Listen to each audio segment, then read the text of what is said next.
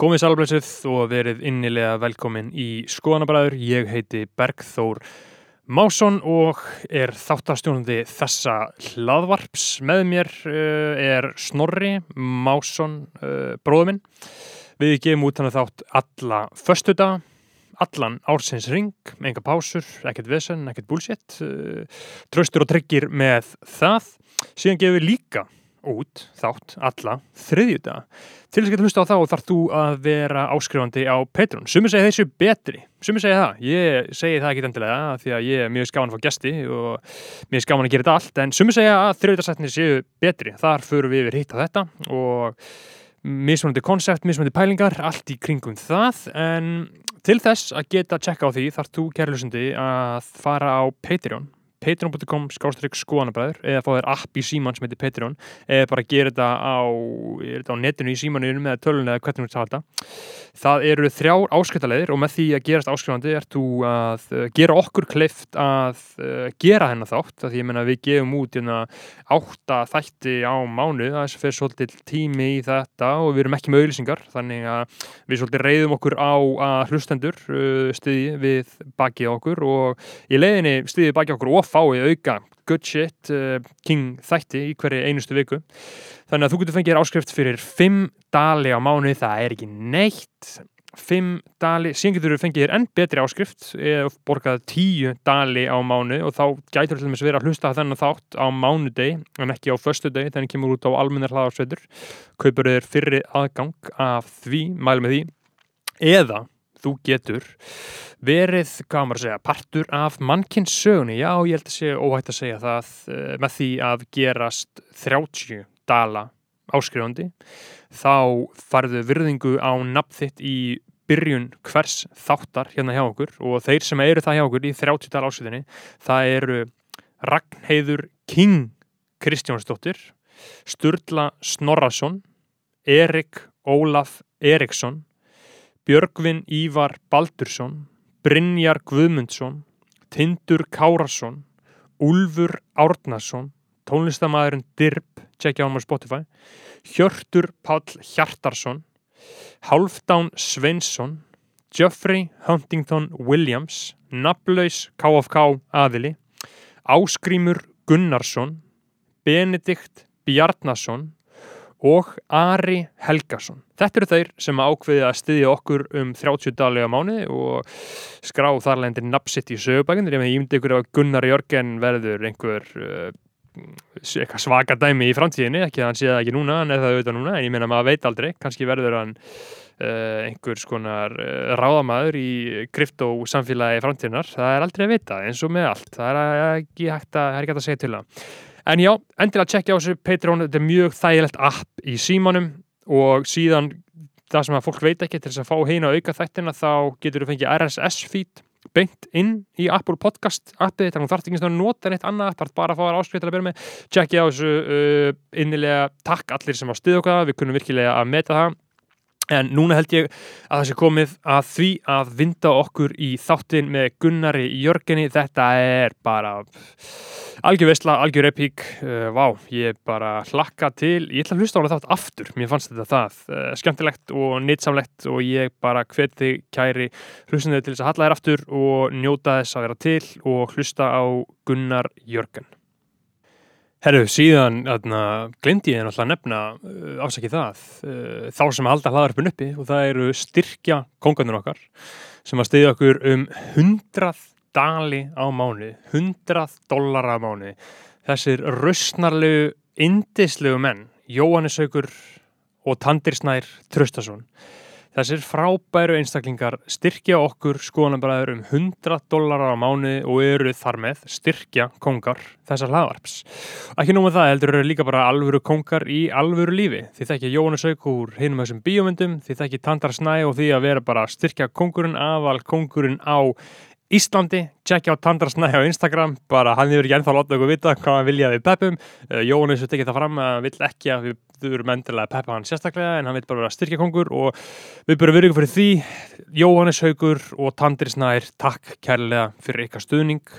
Þeir styrkja okkur um 100 dali á mann sem að virkilega skiptir máli í framleyslu á hágæða efni. Takk, Jóhannes Haugur og Tandri Snær. Fyrir hver að bakinn um að sé bróðir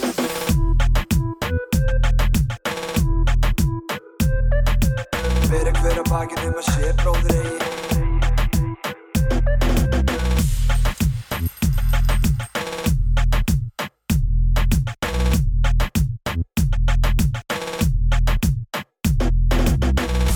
Uh, Byrja hverja bakkinu af sjöfbróðuri, við erum hérna konir í uh, ekki beina útsendingu, langt frá því. Uh, við erum konir í útsendingu með Gunnar í Jörgunni. Já, og við ætlum hérna að fara yfir ímislegt, við ætlum að fara yfir... Það er alltaf að maður beigir nafni Gunnar í Jörgunni eða Jörgun. Ég bara kann það ekki. Nei, Nei. Það er gott að fara á bin.rárnastofnun. já, ég það. kann- það málið. Gunnar Jörgun Hversson, Gíslason, einmitt. Gíslason.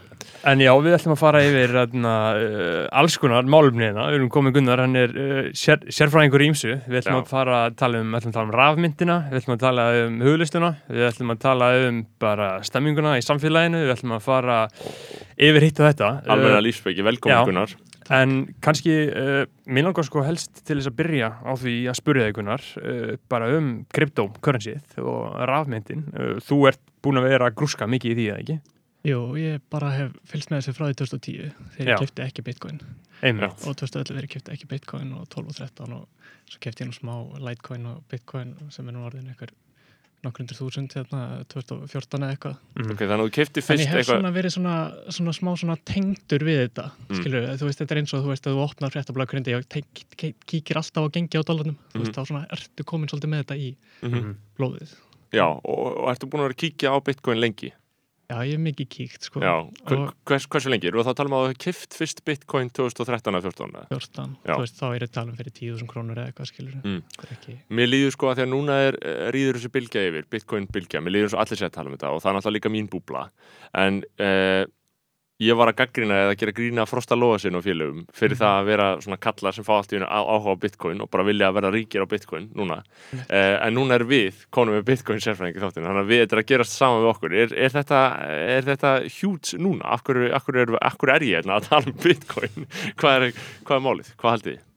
ég, Þetta er svona heildar dýnamíkin af öllu kerfinu er ekki Já. gott svar hérna það er sem sagt, þetta bara er eh, við byrjum á einhverjum stað þá sem sagt minkar nýtt frambóð af bitcoin á fjárarafresti Mm.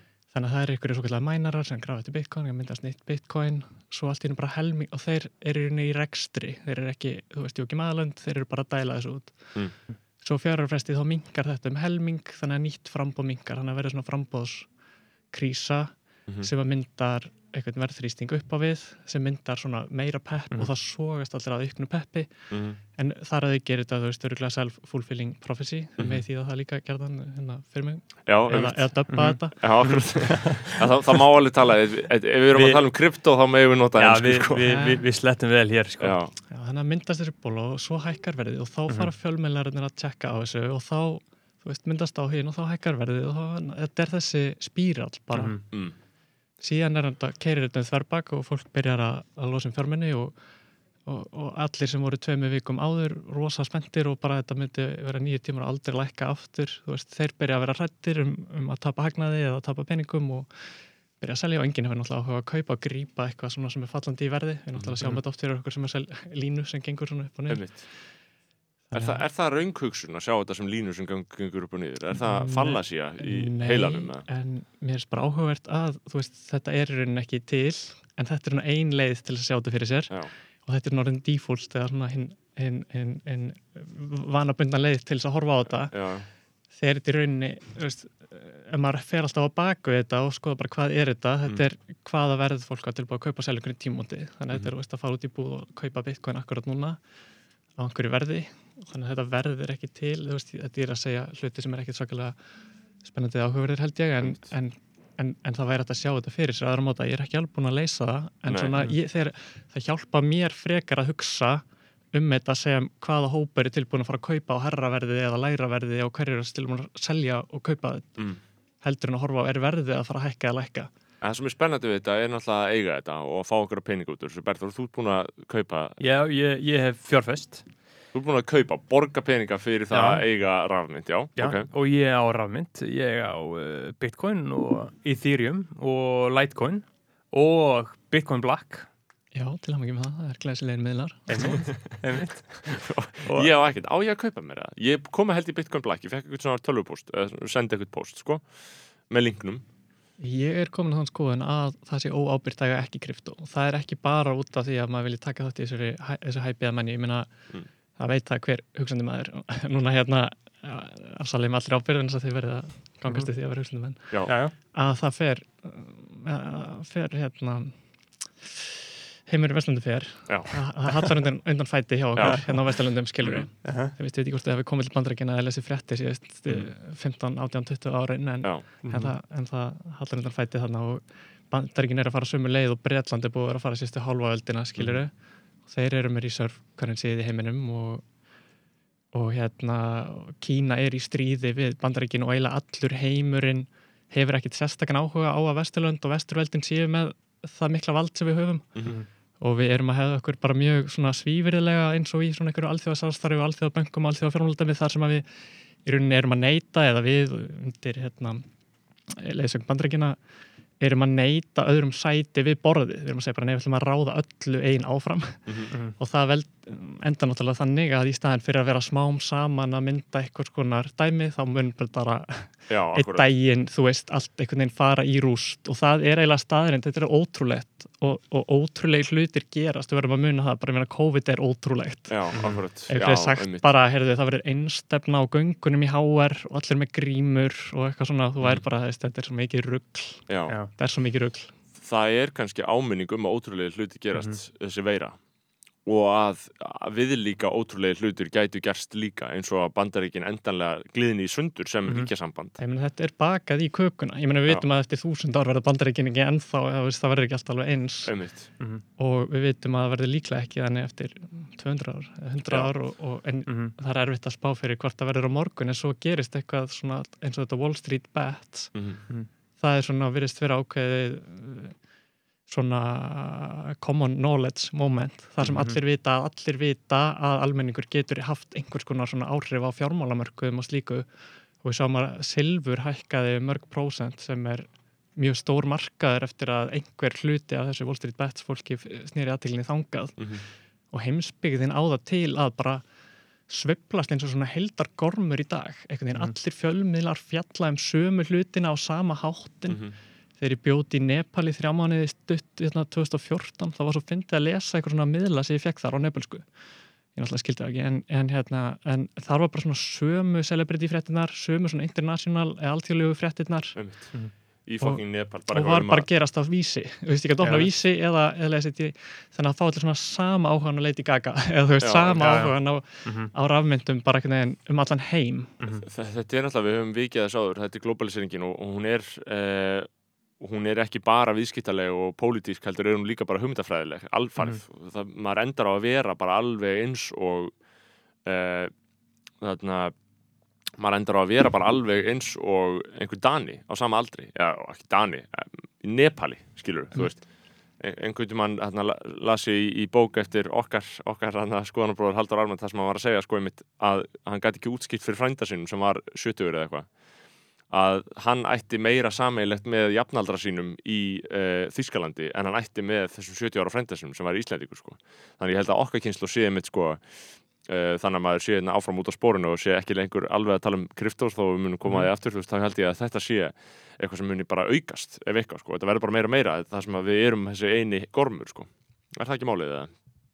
Jú, ég held það, við erum að vera samtengdur og samtengdur bæði í tíma og rúmi. Mm, það er Mm. skrítið. Uh, En, og kryptó, og, kryptó, hvernig hvern, getur við hvernig er það svar við hvernig er það svar við þessari hnignun Já, e eða, eða kannski fyrst með kryptóið sko, uh, hver er munurinn á kryptó og venjulegum peningum? Mm. og þegar fólk hugsaður um kryptó þá hugsaður um bitcoin, hver er munurinn á bitcoin og til dæmis öðrum kryptó eða öðrum rafmyndun til dæmis af hverju er það, af hverju er cryptocurrency betra en venjuleg peningar Byrjum á skemmtilegri og, og, og nýtt með þeirra dæmisögu Nei, já, Já, nú, nú er að koma út ný rafmynd Mhm. eins og svo ofta áður sem heitir Bitcoin Black og Mhm. ég hef verið að tala um það eitthvað á Twitter. Ég held ég sem er handulinn 0Q2 NFS og 00QQ22 ekki bara Gunnar Jörgen. Tjekkið á þessu. Og hérna henni verið dreift til miljón manns Mhm. og, og það hafa nú 700.000 manns skráð sig og þetta er verkefni verið- sem er í gangi síðan 2018 og ég hveti alltaf til að skrá sig á bitcoinblack.is er ekki í lagi. Jú, algjörlega. Þessu drast. Er Bitcoinblack.is Við sittum að descriptionu Show notes. Já, Ég er orðin eitthvað viðriðin þetta verkefni orðin einhver admin fyrir íslenska hópin og eitthvað þannig. Já. ég er bara, þegar ég sé eitthvað sem ég sé bara er það besta sem ég veit um þá Mhm. ekkert er það mitt svona minnstur að Mhm. stökkva bara á vagnin Já, og, og hérna og, og hverjir er að skrá sig fyrir þessu? Uh, jú, bandreikin eru núna í fyrsta sæti en áður var það Rúsland uh, Rúsland þekkja það að hérna vilja ekki að stjórnvöld séu að einhvern veginn að, að nota peningana þeirra sem einhverja uh, skiptimynd eða Mhm. fórna hagsmunum sagt, og, og lífsgæðum borgarana í einhverju starra samhengi, í einhverju geopolítísku mhm, uh, samhengi að, að fella, fella þeirra gjaldmiðil. Já, og hverju er öðru sæti? Venezuela já og þar kemur sko áhugaverðir punktur eins að þeir þekkja það nú bæði að vilja ekki eða að treysta ekki sko gjaldmiðli sem er hægt einhvern veginn að spila með af einhverjum Mhm. en þeir þekkja líka bara gallana við núverandi rafmyndir sem eru uh, mjög margir Mhm. í uh, mörgum löndum Suður Ameríku og öðrum löndum heimsins þá er verið að nota rafmyndir núna mikið til þess að sko færa gjaldmiðl heim, senda peninga heim Mhm. Uh, úr öðrum löndum þar sem einhver fjölskyldmeðlur er, að vinna eða, eða senda á milli þar sem einhver er í námi og, og, og hvaðina Mhm. og þá lendir þau í því að sendingartímin á þessum rafmyndum er ekki hraður. Veist, hann er ykkur mínútur eða, eða klukkutími eða eitthvað þannig sem Mm. er óþægilegt. Ég allavega hef a- oft verið að senda svona bitcoin eða tekið þátt í því og maður er svona, já já, er þetta bara horfið þetta sé Já. bara horfið? Það er nú Mhm. það er ekki gaman, svo er sendingakostnaðurinn rosalega hár, eins og á bitcoin þá er hann held ég oft bara 1000 eða 2000 krónur. Og Og- sendingar kostar það sem ég er að senda rafmynd. Ég myndi halda að þetta væri eitthvað sem gerðist mjög hratt. Svo er ekki. Svo er ekki.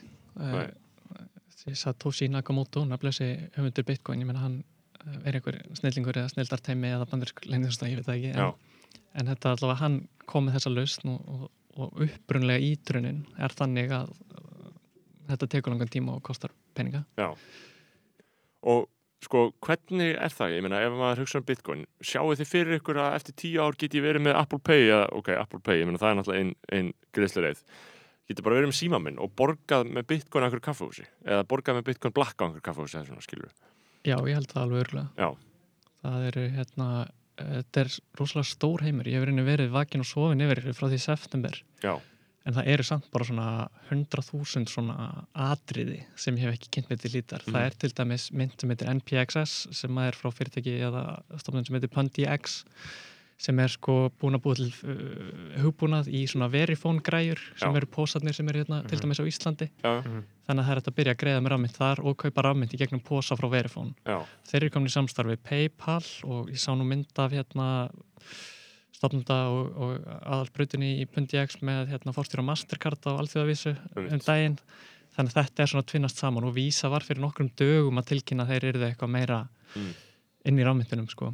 Mér finnst þetta smá dystopíst, mér finnst smá dystopíst bara allt, allir þessi pæling með það ef við byrjum okkur bara saman við bara, þú veist, Ísland á átendöld þegar fólk var bara einhverju vöruskiptum eða bara með einhverju nokkur gullpeninga, skilur. Þetta er orðið svo eitthvað svo umfásmikið og óskiljanlegt, finnst mér.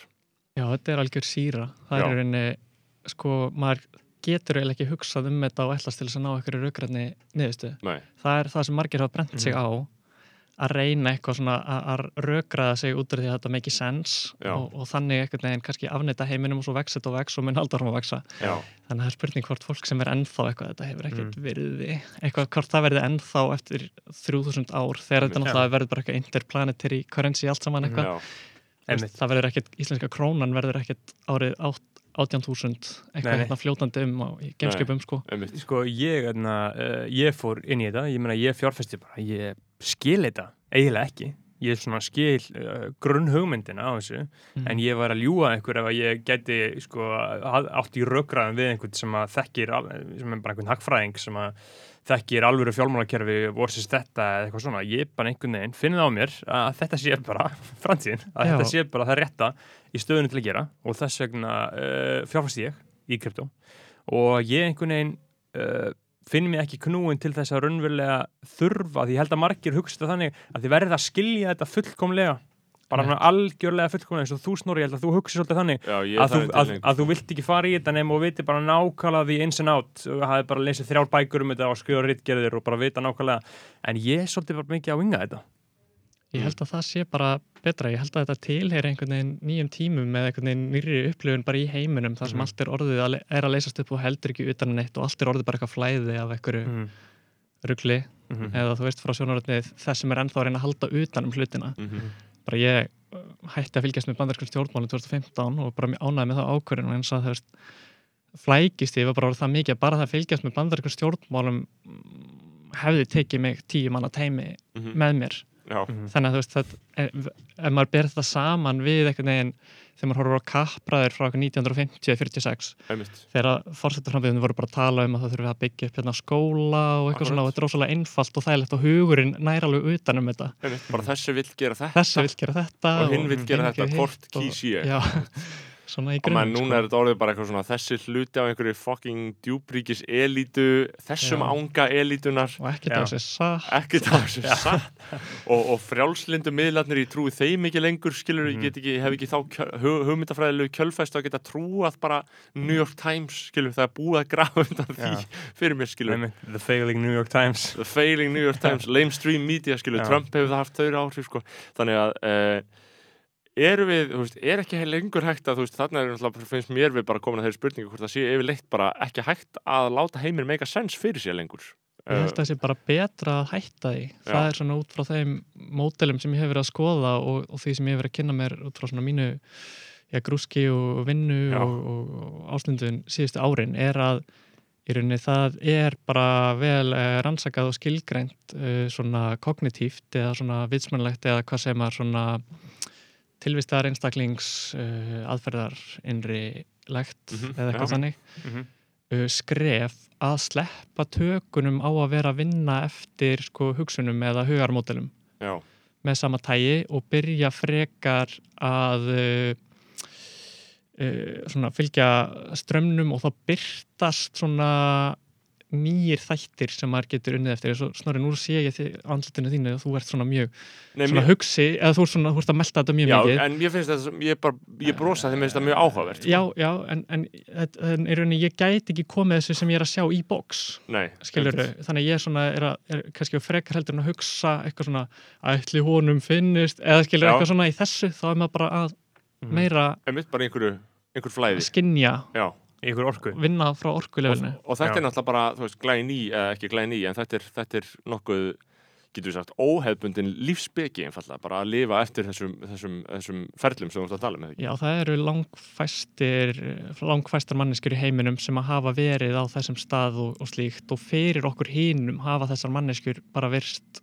einhverjur bullukollar eða, eða, eða vittlýsingar Það er alltaf hægt við því. Og, og mikið af fólkinu sem að náttúrulega byrjaði að komst á þessa staði var ekki svona alveg sko hvað segir maður, bá, baka mátulega á öllum hliðum. Nei, af því að það einmitt. kannski var að taka einhver lif eða var eitthvað að var rosa íkt eða var veikt og var rosalega bara Mhm.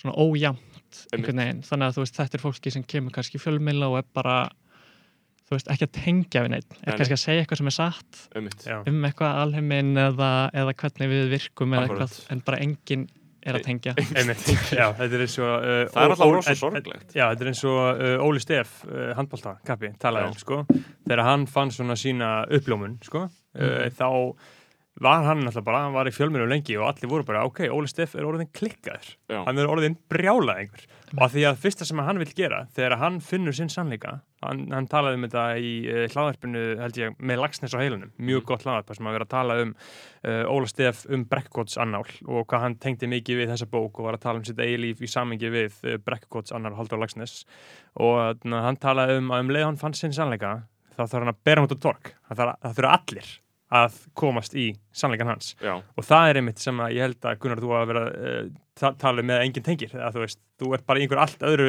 relmi en Já. annað fólk sko. Bara má bjóða þær gera Jésu Krista leiðtóða lífsins. Ég held að Já. ekki tengi við að hafa að kannski tengja ekki við þá sem eru þar. Ég meina, ég einmitt, held að það sé ákveðin næsleiki sem er þar Mhm. og, og sannleikur en, en, En það er er þetta er- hliðstætt þetta er hliðstæð mm Þetta er hliðstæð örlög að hafa verið, að vera komin í því, það að bara Jésu Kristu, Kristur er leiðtöð lífsmins Þú veist, Mhm. pældi hvað það er næs Mm. pældi hvað er næst og svo auðvitað segir það aðra ég meina það annað, annað væri fásinna eins og ykkur hefur sagt skilur, ef þú ert, ef þú trúur ennverulega Guð sé að hann muni dæma lifendur og dauða uh, eftir allt allt Mhm.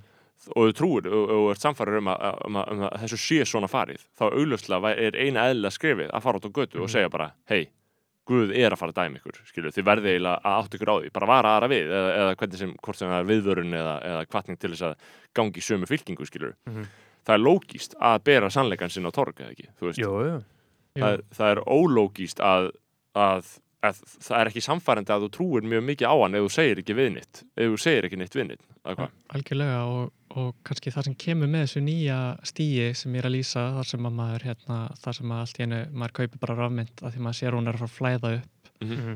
þú veist þegar ég var uh, mér leiði á einhverju tímúndi eins og heili minn væri bara að vinna bara í fullkonum samhljómi og eitthvað og þá sá ég bara hérna köftu geimpeninga og þeir þú veist og þá var ég ekki að hugsa eitthvað, já, ég kaupi hérna 30% árs ávöxtun yfir hérna, tekjar tíma bil og Mhm. hérna svo kannski lækkar um helming, það væri nú alveg umurlegt. um- Mhm. Þú veist, ég, Já, þegar maður er ekki þar, maður er bara svona í kaupi þetta og svo flæðir þetta einhvern veginn, skilur Já, þetta bara svona dæmi, skilur og það, Mhm. þú veist, það hefur engin áhrif á mig þá að læk, hvað ferðalega þetta tekur á leiðinu upp Mhm. þetta fyrir 99% niður og svo 100.000 falt upp, ég meina þetta Mhm. er ekki Mhm. Og, og það er raunveruleikin, þannig að maður er að reyna að fara nær raunveruleikanum. En Já, það sem ég vilti er segja raunveruleikinn. varðandi hérna, já það er raunveruleikin nefnilega. Ef þú varst ekki að fara að selja þetta þá er raunveruleikin að ykkur máli hvort að lækka þig Já. breytir einhver, nema bara fyrir þig í Mhm. kognitífa mótelniðinu til að segja, að ég vildi að ég hefði keft núna, það hefði ég tvöfald meira það hefði þýtt, keft tvö rúmteppi, eitthvað, ég veit ekki eitthvað en sko en maður hlut, hlýtur samt svona uh, það hlýtur að vera einhver praktísk hlið á þessu skilur þú, þú hlýtur á einhverju tímum að vilja mögulega meina- selja til þess að geta keipt alvöru rúnteppi eða, eða, eða herbergi Já, ég, ég held ég hafa verið að fara eitthvað með þessu þannig aðan, hvað, varst að spyrja mig Sko, eftir ef, hérna? ef að þú, Ég man þú, hvar við vorum, sko. þú, þú Gunnar, þú það send, flæði, þú, já, það þú, mjög þú gott. sendi mér atna, uh, þegar ég var að tala við þig á Twitter um, atna, um hvernig maður á að selja og kaupa og hvað maður á að halda og þú sendi mér heldur góða svona, lífsreglu með þetta. Já, uh, maður svo hvað það var það ég held ég muni, það voru Já. kannski tvær var það sem sagt annars vegar ekki selja nema það actually hafa einhver jákvæð verulega áhrif á lífið þitt eða þú veist það breyta einhverju fyrir þig. Nefnum Af var því að raun, ég- raunverulega skipti máli. Já, ég meina, ég veit um einn ein strák sem að seldi, þú veist, uh, kryptoða sitt, þú veist, 2014 eða 15 skilur að því að var komið upp í miljón, eða Mhm. eitthvað skilur eitthvað Já. svona, og það, já, já, það er komið upp í miljón já, já, Mhm. en þú veist, það værið upp í 100 núna skilur, Einmitt. þessi miljón breytingu fyrir lífans, ég veit ekki hvort hann kefti þessi fína kaffivél eða hvað skilur Já, eða hvort hann á bara þetta inn á verðtröðurum reikningi, ég veit það ekki, en þú veist en þetta er einn mistök sem að margir, margir, margir hafa gert, að vera eitthvað þeirna já, já, nú er ég búin að tvöfalda þetta. Já, eitthvað, I'm out. nú- I'm out, ég er farin. Og eitthvað neginn svo bara eitthvað breytir þetta engu. Og, og svo var önnur það ekki, Hva, hver var hún? Uh, hún var, atna, sko, það var þetta að aldrei selja nema hafi raunverulega áhrif og eitthvað uh, tíu ári eða eitthvað. Hvernig, hvernig var það aftur?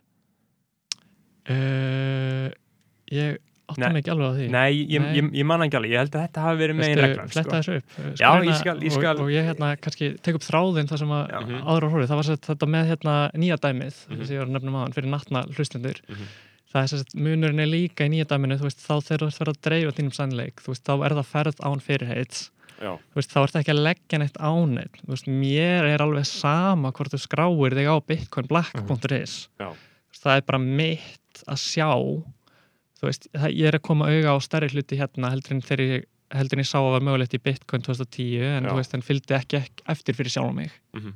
það skilur við og, og ég hefði viljað að einhver þá hefði verið þú veist, það gera það sem ég er að gera núna bara segja þú veist, þú, ég veit ekki hvernig það fer en, en þú heldur að þetta geti farið svona Já. bara hvort vilt þú lifa lífið þinni þannig að þú gangir aldrei inn í það sem þú heldur að geti orðið stórt sem Mhm. náttúrulega útlokar 100% tilfella af einhverju jákvæði Já, Mhm. eða viltu bara segja já takk og kaupa fyrir 20.000 eða eitthvað. Einmitt. Og í tilfelli Bitcoin Black þá er þetta ókepis Mhm. þannig að ég er bara að segja þú veist, bara hætt að segja nei við öllu. En, en fyrir mér Mhm. sko, það, það er líka sko, maður verður ekki hlutlaus og tilfinningalaus og, og nú er ég í raun að gangast við því að vera svolítið að vinna á þessu nýja leveli þú veist, Mhm. Ég get, get alveg orðið eða þú veist, mér geti sárnað skilur en, þa- en það er samt á þann máta einhvern veginn að maður er ekki að leggja neitt á einhvern annan. Nei, það er einhvern veginn, þið, maður á all, við hefum öll vini sem maður er meðvirk með að þeir ringja og, og, og spyrja hvort maður vilja koma í hérna, eitthvað og maður veit svona, maður er einhvern veginn svona þú veist, að vera erfiður gagvar þeim með því að segja bara nei, þú veist, þú getur ekki sagt ég, þú verður bara að vera með skotilda afsökun. Getur ekki sagt bara nei, ég ætla að vera heima núna. Þá, þá verður þeir bara, Ha? Ha, Já. bara Já. þeir verður bara sárir einhvern Já. veginn og Mhm. Þetta er ekki, þetta er ekki, þetta er ekki að sama þetta, þetta er ekki það sama og, og það er kannski mitt munurinn á, á hérna, eða það er bara gott að vita Já, ég, Já. ég, ég ætla að fá Já. með Bitcoin blackið, sko Já, já, en hérna Já, en, en, en það sem ég sagði þarna, uh, það sem að reglunar uh, voru, það, ég, ég rugglaði bara saman þú veist, þú sagði bara, ég, ég spurði þig, ég meina hvað hvað á ég að eiga þetta lengi og þú sagðir eitt ár eða tvö ár eða tíu uh, og aldrei þarna, einmitt bara svo sagði á aldrei taka þetta út úr kryptónu nema þetta sé raunverulega að fara að hafa áhrif að líðið eins og til dæmis, ég veit ekki, maður að köpa sér íbúð eða eitthvað í kringu það, en aldrei taka allt já, aldrei já, allt. það var Já. sennilegin, aldrei taka allt aldrei allt, saman hvað að, ég meina, ef þú tekur 90% ég meina, þá Mhm. er alveg hitt kannski að fara 100-faldast Já. eða 1000-faldast eða 10.000-faldast og þetta er allt saman ótrúlegt ég meina, heldar markasverðið á öllu allir rafmyndi í heiminum er núna sko 1 trillion dollars Já, Mhm. eða 1 biljón Mhm. íslensku eða já, já, ég held að það heiti ég, nenni ekki að hugsa það út Ég held að það sé hérna- bil, biljón Biljón Já, er ekki já. já. íslensku, sko En þetta er alveg uh, svífirileg upphæð. Ég er Já. ekki með svona infograf í huganum til þess að koma með samhengi, en Mhm. þú veist, þetta er svona í stærðargráðinni, þú veist, 1 eða 5% af, af þjóðarskuldbandrykina eða eitthvað skilur Já, Og fólk hefði ekki trúað því að þetta færi svona hátt. nei, Og ég held núna að þetta muni færa herra heldur en okkur geti trúað að þetta geti Mhm. farið. Af því að núna er eitthvað svona, allar fastegnir í heiminum eru 100 triljónir Mhm. dollara. Mhm. Svona, þannig að það getur ekki verið það en síðan mm, held ég að geta alveg verið það veist, þannig að það er nefnilega það áhugaverði í þessu vegna þess að það er eitt með hérna, hluti eins og gull og bitcoin sem er í rauninni að geima virði, þetta er rauninni að þú veist að fresta neyslu mhm, í einhverju sem er með óendanlega sem rennur ekki út. Mhm. þá er rauninni getur þú geimt óendanlega framtíðarneyslu í þannig fyrirbæri einmitt. Mhm. þetta er eitthvað sem margir skilja ekki eins og með gull eða slíkt veist, Rothschild ættin á pottið bara fullt af söm, sama gulli og þau áttu árið veist, 1700 eða eitthvað bara Mhm. í sama kastalanum þeim líkur ekkert á að selja það og það, það bara gerist einu sinni á æfið hvers og eins að sé hendur það kannski. Ef, það vantar eitthvað ein, skilur ein stöng hérna á hennan Feilsson, Rothschild já, þannig að ef að hérna, þannig að ef að sko, þannig að þar kemur inn sko verðið þú veist, hvert er Mhm. verðið á gulli? Þeim Mhm. varðar kannski ekkit um það hvort það er þúsund eða tvö þúsund dollarar þú veist, á einhverjum tilteknum árum. Mhm.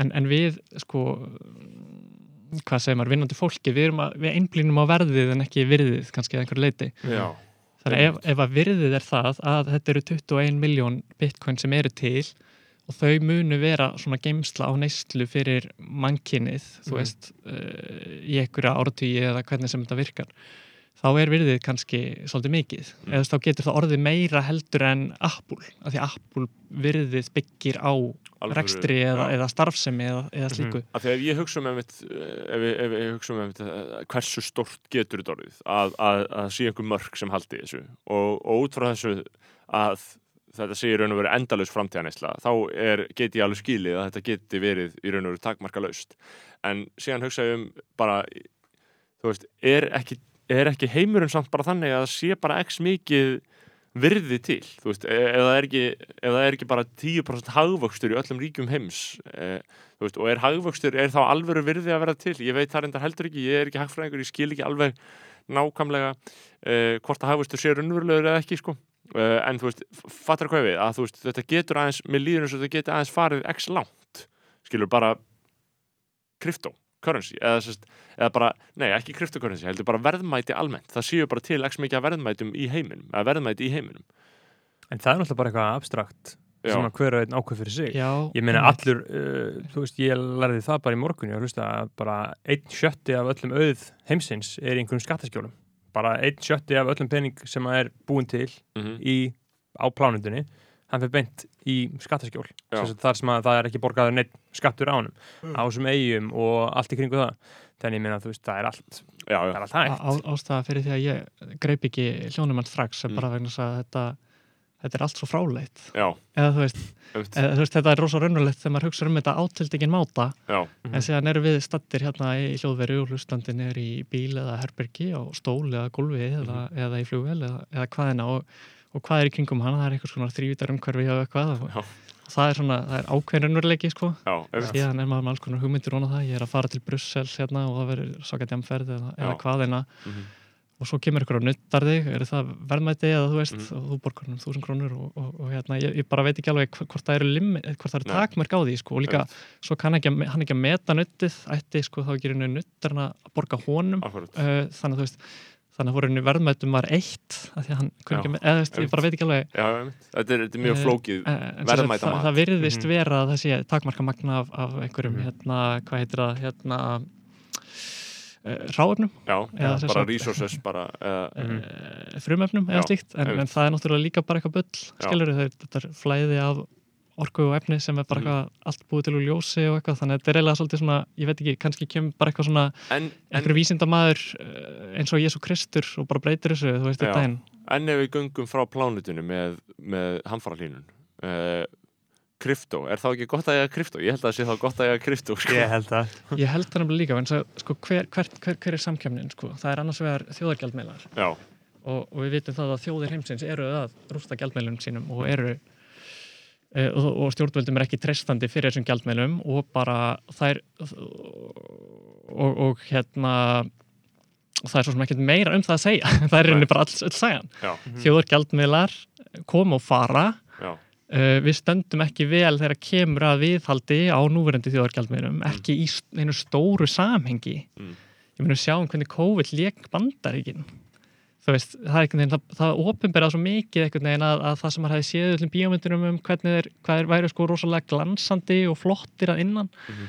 að bara, jú, þeir áttu einn annan vörulægar sem endist eh, hef- hefur verið nóg fyrir eina borg og eitthvað svona. Já, en þeir gátt ekki dreigið fyrir mér hatti eitthvað svona eins og í Finnlandi eitthvað bæjarbrunn þar sem að var til alls konar græjur fyrir Mhm, alla skilur akkurat. þeir eru eitthvað bara orðnir svolítið tómir. Já, þetta er svolítið, tó- þetta er svolítið innistæðu laust stórveldi að verið einhver leiti þó eru hér sem geti sprengt upp á þann heiminn og svo framvegis en, en þegar kemur að gjaldmiðlinum þá sagði þess að einhver hérna yfirmaður í kínverska hernum held ég árið 2012 bara við hötum ykkur fyrir það hvernig þeir eru að fara með dollarin já, þannig að hvernig haldið þeir sé líði í Mhm. dag þegar banderski sælumangin er bara með prentar óstjórnlega og einhvern veginn bæði vinstrið og hægrið eru komin í einhvern óendanlegan eðslugýr og það er verið að senda frían pening heim til fólks. Mhm, og þar fram til göttunum. Þannig að það er önnur samkeppnin við, við rámynd. mm, Hinn samkeppnin er, er gull og silfur og eðalmálmar og, og svo út í það væri farið einhvers konar viski eða eitthvað en, en, en, en gallarnir við gull og silfur, nú veit ég hvort að þeir endur að koma gullmyndum framhjá hérna fjármasteki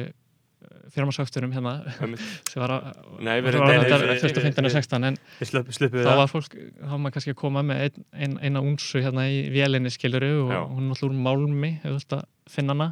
Einmitt. Eh, og maður þá ekki, við, ekki ég skilur ég er bara að segja þú veist, þá, þá ertu kannski að gera það eða, eða fólk, eða, eða svo fólk mikið Mhm. að vinna með sko, svona, nú byggja þetta bara fréttum eða kannski er þetta bara fréttum sem byrjast míns að setja það upp í anusin á sér eða skilur og hérna til þess að koma gull í gegnum til að koma í, fjármagnsmarkaðinn, já, í- eitthvað svona það er 10% innflutningsskattur í Índlandi og gott Mm. að sleppa við og svona. Og það er bara ekkert svakalega henduð og, og silfur er þannig að þú getur ekki komið nægum verðmættum á milli staða. En, en svo þú veist hvað ætlar að leia flugvél og, og fara eitthvað og veist, að, þannig að þú veist annars vegar þetta er bara, þetta er bara vesen og þú getur ekki flutta til hver sem er, hvenna sem er, fyrir hvað sem er. Me, á meðan rafmynd og á meðan rafmynd hefur verðmæti þá er alþjóðlega eign, það er uppskiptanlega eign. Mhm. það er að segja þú veist, þú getur borgað einhverjum tíkall eða hundrakall eða þúsundkall eða miljón á meðan gull þá er þetta bara njö, Já, njö. og meðan þjóðagjaldmeilin er bara eins og við lendum í hérna var ekki Íslandingur sem var í Þýskalandi sem eftir bara kom eitthvað, með íslenska mynd hérna, nei, íslenska sæðla og vildi skipta og bara, herri, við tökum ekki við þessu hérna, og ég hendi sér ruslið fyrir Já. þig og ég hendi sér ruslið hérna, þannig að það er ruslið eða sko bara einhvern veginn að bankinni lokaður skilur. Mhm. og, og nú náttúrulega erum við vafður í bómull á Íslandi og, og ólumst upp í þeirri blekkingu þetta var rosa stabílt og gott allt saman og svona uh, en, en fólk víða um heim hefur bara alls upp að frá mm, blödu barspinni að, að ríkið er ekkert eitthvað svona svakalega gott og svakalega hæft í þessum málum Nei, nei. Mhm. og þau eru að fara að stökkva á rafmyndavagnin Mhm. bara eins mikið að geta það er þess að forstjóri eins fyrirtækisins og stopnandi sem heitir Celica sá, sá maður Amreit Kumar er upprunalega frá Indlandi það veist, hann lýsir því hvernig þetta er til dæmis í Indonési víða í bæjum það sem eru ekki bankar og, Mhm. og nú vil ég nota þetta ekki verið til að svífira bankana fyrir að vera að loka útibúum hérna. Já. Nei, ég segi svona skilur þannig að fólk er. Mhm. þjónustig uh, og hérna og þar er kannski bara einhver gæi í bænum sem hefur einhvern veginn, tekur að sér það, það verktakavinnu að hérna fara með peningana hjá fólki í önnur þorp og vera einhvern veginn fulltrúið þeirra hjá bankanum og eitthvað Mhm. ver, og gengt því að fólk getur bara verið með þessa rafmynd í símanum Einmitt. og náttúrulega við vitum það að rafmynd er ekki í símanum maður bara notar síman sem svona uh, gátt inn í rafmyndinar og það stjórna þeim Hún er hvergi. Hún er hvergi Er hún eitthvað staðar? Nei, hún er Nei. hvergi. En, en það áhugaverða, ég held að rafmyndi sé líka sett á jörðina til þess að sko við áttum okkur að því ekkert annað er hérna heldur. Mm. Þegar fólk er eitthvað svona, "Ú, þetta er ekki neitt. Mhm. Já, Það er já. eitthvað Svona, en, en svo hver maður með samanburðin, en hvar er þá allt hitt? Eitthvað svona, Já. hvar er krónan? Eitthvað svona, hvar, maður er bara svona vanur því að því maður Mhm. ólst upp eða farðu nú upp út í búð hérna með hennan 200 kall og kauftu kopp potta mjólk Mhm. og, það, og bara þess að þetta klink var til og maður einhvern veginn gerði Já. ráð fyrir að þeir komist í umferð á ekkert skynnsamlegan hátt og væri einhvern veginn svona mjög svo raunverulegt sko Mhm. það er ekkert svo raunverulegt í raun Nei, krónan. Sko, krónan er alltaf... sko. eða Apple, Nei. eða þú veist eða Mhm. nokkur skapaðar hlutur sko Krónan er alltaf... Ég var að sjá að, að það eru sko uh, strygaskór sem kostu 15 skall hérna fyrir COVID. Eru konur upp í 24.000 skall út af því að krónan hefur já, eða þá að, að hún hefur veikst gagvart efrunni eða eitthvað svolítið, ég, ég held að, að það sé mekaníkinni allan að veikst þá gagvart Já. öllu, uh, vænti ég. Uh, Efrun er orðin dýrari. og á sama tíma er þetta mjög æskilegt fyrir íslenska sjávarútveig myndi ég halda, að krónan væri já, hruninu hún er, vegna þess að Mhm. þá bara geta þið selt meiri fisk Mm Einmitt. er það ekki? Er, það ekki, er þetta ekki rétt mekaník sem ég er að lýsa? Jú, jú, þeir fá sama magna af efrum mentalega en fá Já. fleiri krónur Já. geta það hluti borga laun og átt fleiri krónur eftir, eða ekki, Einmitt, til jú, dæmis já.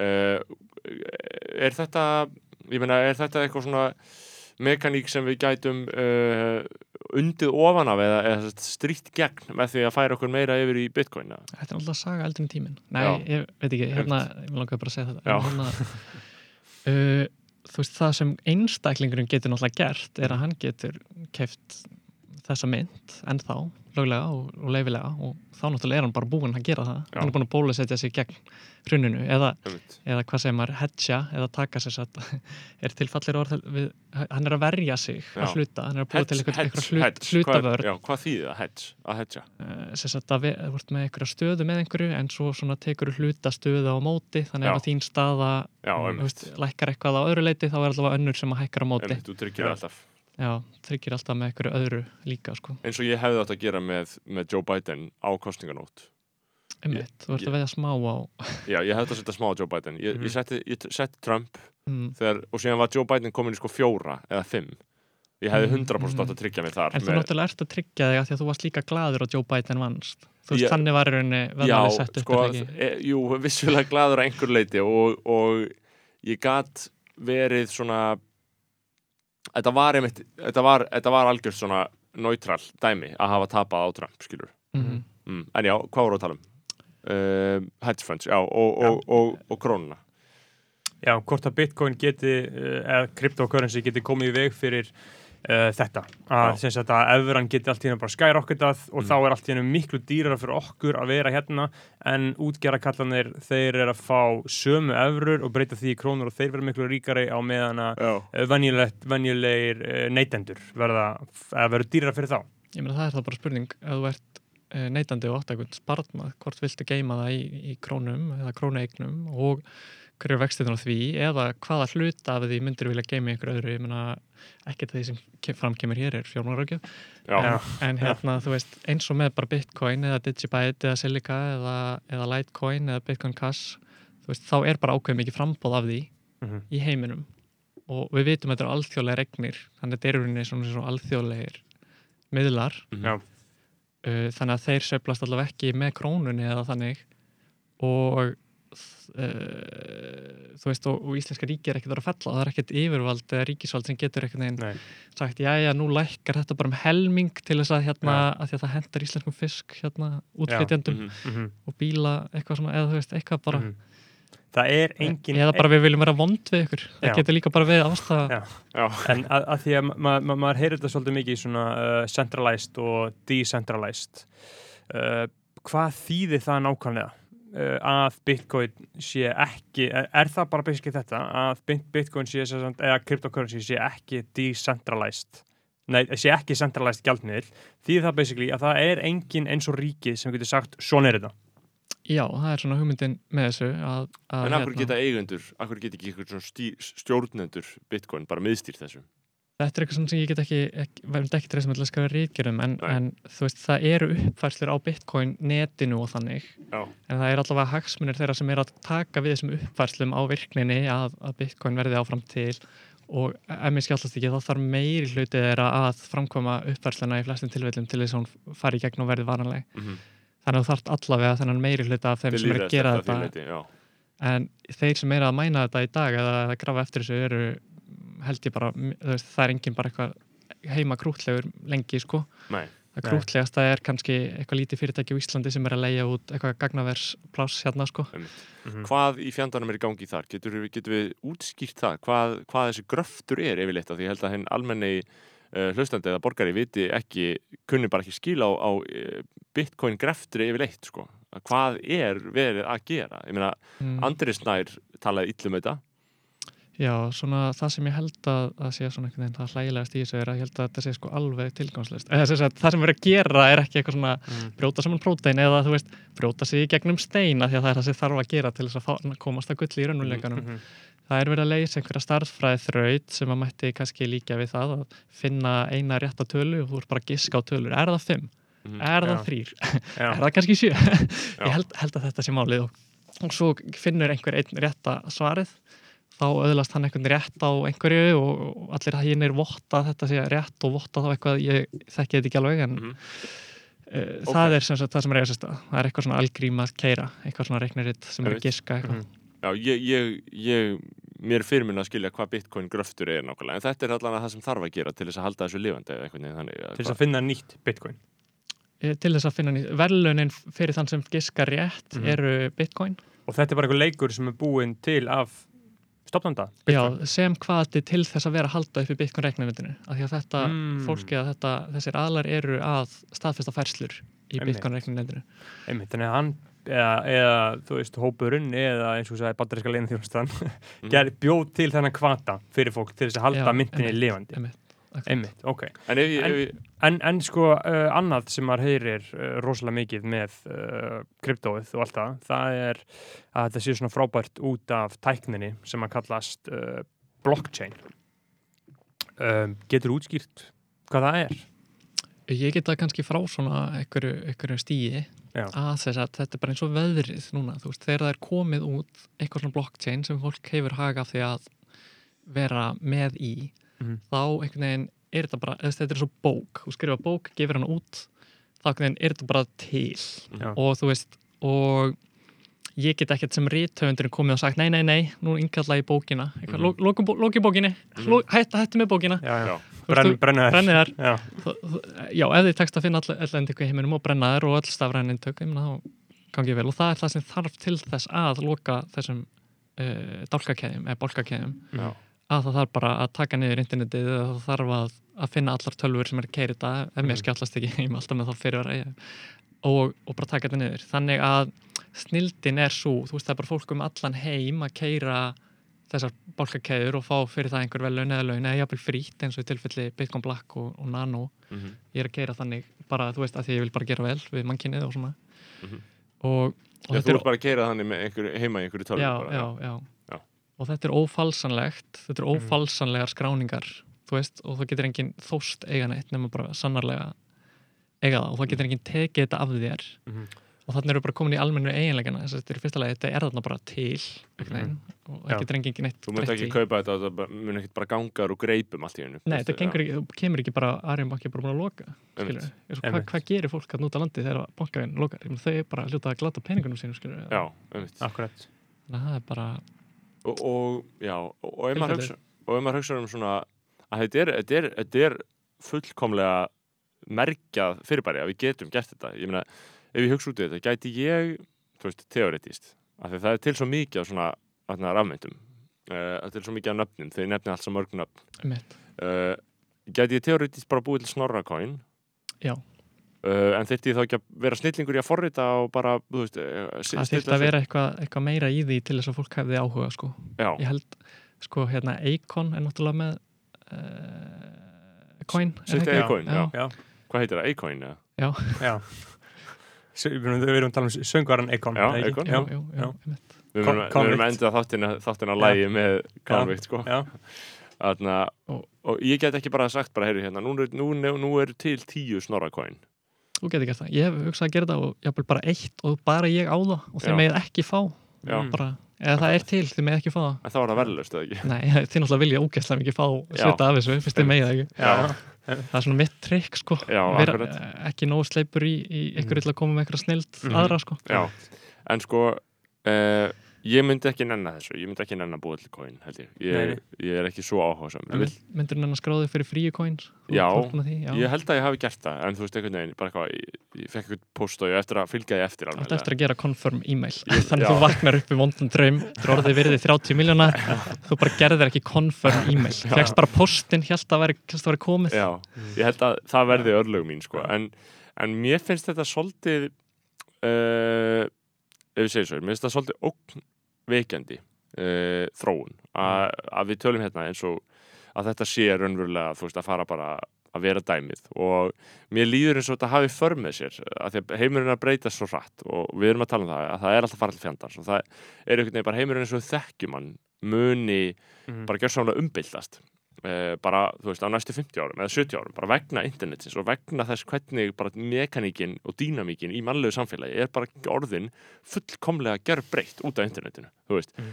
eh, þá er ég að hugsa bara munum við ekki bara hafa hérna, skilur mun fólk ekki lengur vera á Íslandi bara með hús og bíla og, og auka fristikistu í kallaranum og börnir í skóla og fótbolta og þú veist, hvað hvað haldið að gerist, skilur, mun þetta líka breyta bara mannlegri hegðun og tengslamyndun og fjölskylduminstri og svona hvað haldið því? Er þetta of stóra spurningar sem ég er að bera fram hérna? eða?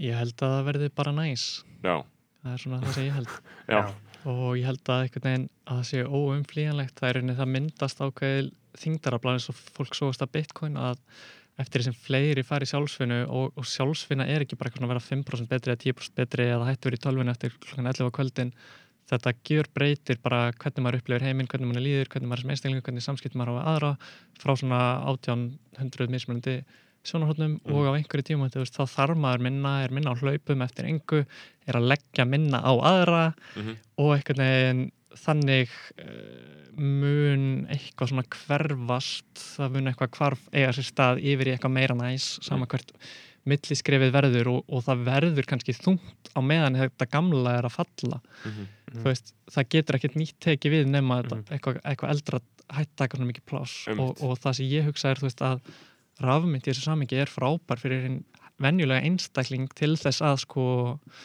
fá hluti í þessu nýja og, og einhvern veginn vera ekki jafn, miklum dramatískum átökum á meðan að.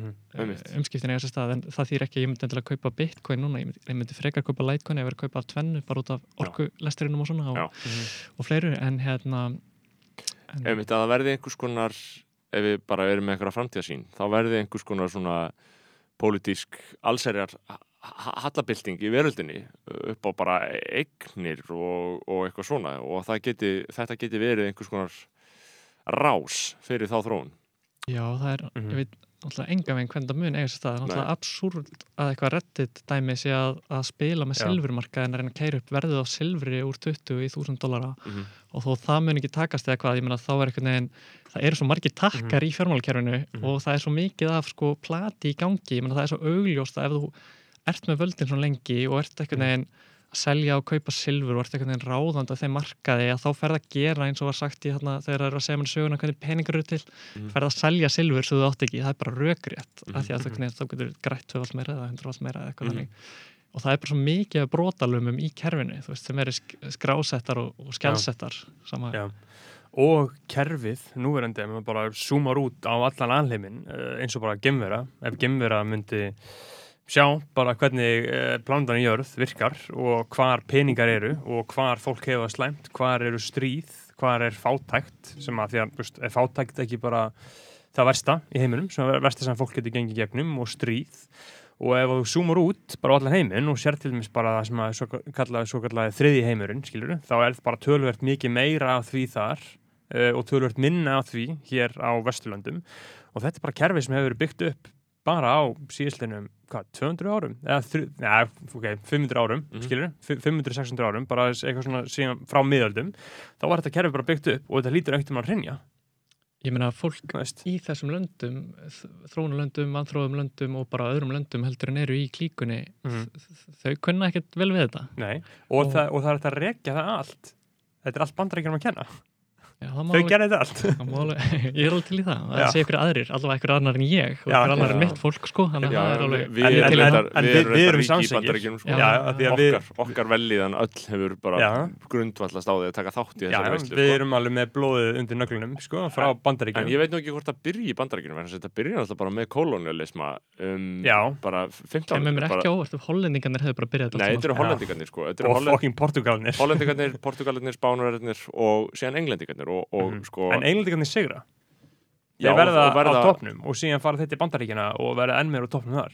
Já, en e, þú veist, eru, eru bandaríkjamenninir ekki einhverju leiti einhverju svona sem voru að mótmæla einhverju leiti því sem var að gerast í Breitlandi og vildu, í rauninu voru dis dissidents, skilur þú veist. Mm og ef að, ef að einhverju bitcoinar eins og Gunnar Jörgen eru dissidents núna, skilur þú veist sem ég myndi halda, að- myndi segja að þetta væri þetta er ákveðin, þetta er ákveðin andspyrna gegn Mhm. ríkjandi kjörfi þetta, þetta er það alveg tvímæla og þetta leiði mig inn í uh, eina spurningu Gunnar. Þarna, uh, þetta að þau meina að absolute power corrupts absolutely ef einhver bitcoin millur á menningu verður uh, þá geti hann orðið íllur og þetta geti einhvern veginn orðið jafn hræðilegt og núverandi kerfi er.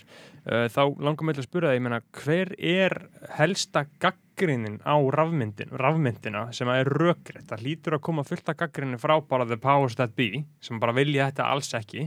En ég meina þú lítur að hafa lesið einhverja gaggrinni um þetta og eitthvað sem make sense og ég meina sérð þú að því að við búin að tala rosalega jákvæmt um þetta að því að ég ég er bara að fokka með þessu og trúi á þetta og búin að, búin að fjárfesta. Ég er bara, ég komið með steik í þessu ég er bara stiðið 100% en ég meina, hver er einhver að gaggrina þetta uh, á bara gáfan og skilvirkan hátt sem að makear sense eða er þetta bara 100% uh, epist og það er ekki hægt?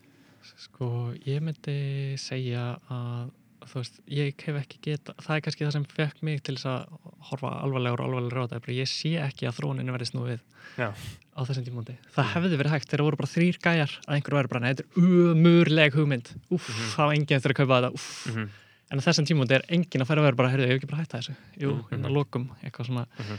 að og, og, og hérna gaggrinin hefur kannski helst verið, ég var að reyna að finna svona myndlíkingu, það er einhver svona sem að með, þú veist, í leku skipi og heldur með höndunum og það bara er að flæða og byrjar að fossa inn og hann bara nei, það, veist, þannig hafa bankarnir og Visa og Paypal verið bara, þetta er algjört rugg hérna, uss, uss, uss, uss, uss. Mhm. Það hefur svona verið helsta taktikinn að segja bara það er ekkert á bakvið þetta og, og þetta er Já, Já, en einhvern veginn er þetta samt og allir sjá það Já.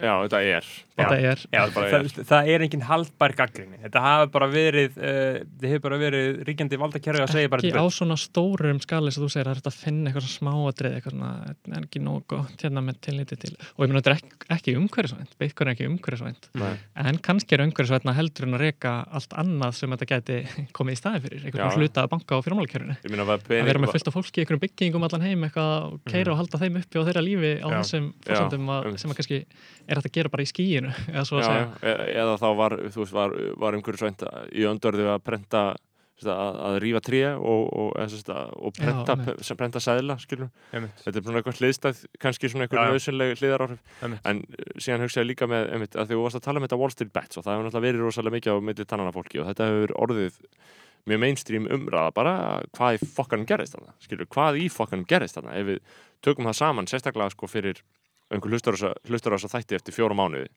uh, þá er þetta náttúrulega það að, að þeir, þeir, já, hvað gerist, hvað gerist í Wallstbets, hvað gerðu þeir? Uh, veist, getur þú, getur þú útskýrt það, Gunnar? Uh, eins og ég skilsöguna þá var það einhver sem byrjaði á því að posta því að hann væri alltaf að kaupa sagt, mögul, e, e, kaupa verðbref sem að myndu, sagt, hann myndi græða á ef að GameStop fyrirtæki myndi hækka í verði Mhm.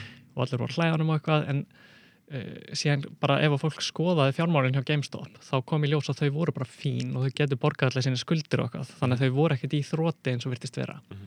og á saman tíma voru þarna fólk búið að taka skortstöðu í félaginu og þú veist, þetta virtist bara vera félag sem að uh, var bara einhvern veginn búið að vera snúa niður af einhvern veginn fjármálaflum Mm -hmm. þetta er sagðin eins og ég skil hana bara allir, njó, allir bara njóta sögunar og svo einhvern veginn myndast svona uppsöfla og, og einhver svona stemming þarna á þessu dæmi um að, um að rauninu með geta sensi hérnatinn og það spíralast út í það að fólk ætlar að taka niður þessa voganasjóði bara með því að kaupa upp þetta dæmi. Og þarna kemur inn það sem við tölum á með bara að fólk svona sveiflist út um allan heim í einhverjum samhljómi að einhvern veginn bara allir fóru í stemminguna og ég á vinn sem að vildi bara fara að kaupa fyrir 420 dólar eða GameStop og kannski hefði maður sett inn 100 dólar en maður hefði getað og svona. En einhvern veginn voru allir í stemminguna og þetta kerði verðið úr ég veit það ekki, úr 10 í 300 eða úr 3 í 300, ég bara átta mig ekki á því.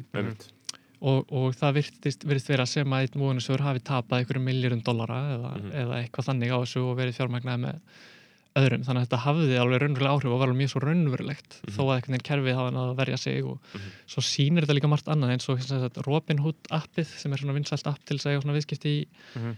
bandaríkjunum heitir, hérna, það, það fekk bara eitthvað 500.000 einnarstjörnu hérna, gaggrinni á, á hérna, App Store-unni hjá, hjá Google Play, Play Store fyrir Og- það að hafa lokað viðskipti með óviðandi hætti. já, já, Mhm. já, já, þeir, þeir gerðu það já Mhm. og hérna svo eigðir Google þessu Mhm. og þá sér fólk bara á elitan Mhm. sér um sína, skilur Já, Þessi öflin eitt sjá um sína. Google þeir- reviewunum Já. Þetta, já. Já, þannig í staðin fyrir þetta væri eins og ef, að- ef þessi reviews væri á blockchaininu þá hefði enginn getað eitt þeim, skilur Einmitt. en í staðin er það bara Google sér náttúrulega engan hag sinni að vera vond við sko Robinhood sem er hluta til að eiga ykkur sjóða og bla bla bla bla bla þannig að þú veist, þeir eru bara fastir í sínum gýr skilur þetta er bara svona mæta í vondu vinnuna eða þú veist, Já, bara því að það meikar ekki sens að eigða þeim ekki einhvern veginn fyrir þeim. Já.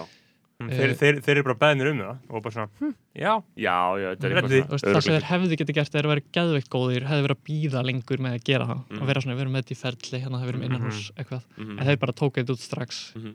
já, bara já, við erum ívul já, bara, eða svona við erum við erum, þjó, við erum vinir, veist, þeirra. Við erum, ekki, við erum vinir þeirra, við erum ekki með ykkur Já. 500.000 sem skrifið hérna gaggrinni Já, bara raunverulega gaggrinni því að þið, þið ykkur finnst þorritið vera lélegt já, að vera mögulega að brjóta lög einhverjum fjármálaöflum í hag, það, það er þeirra upplifun.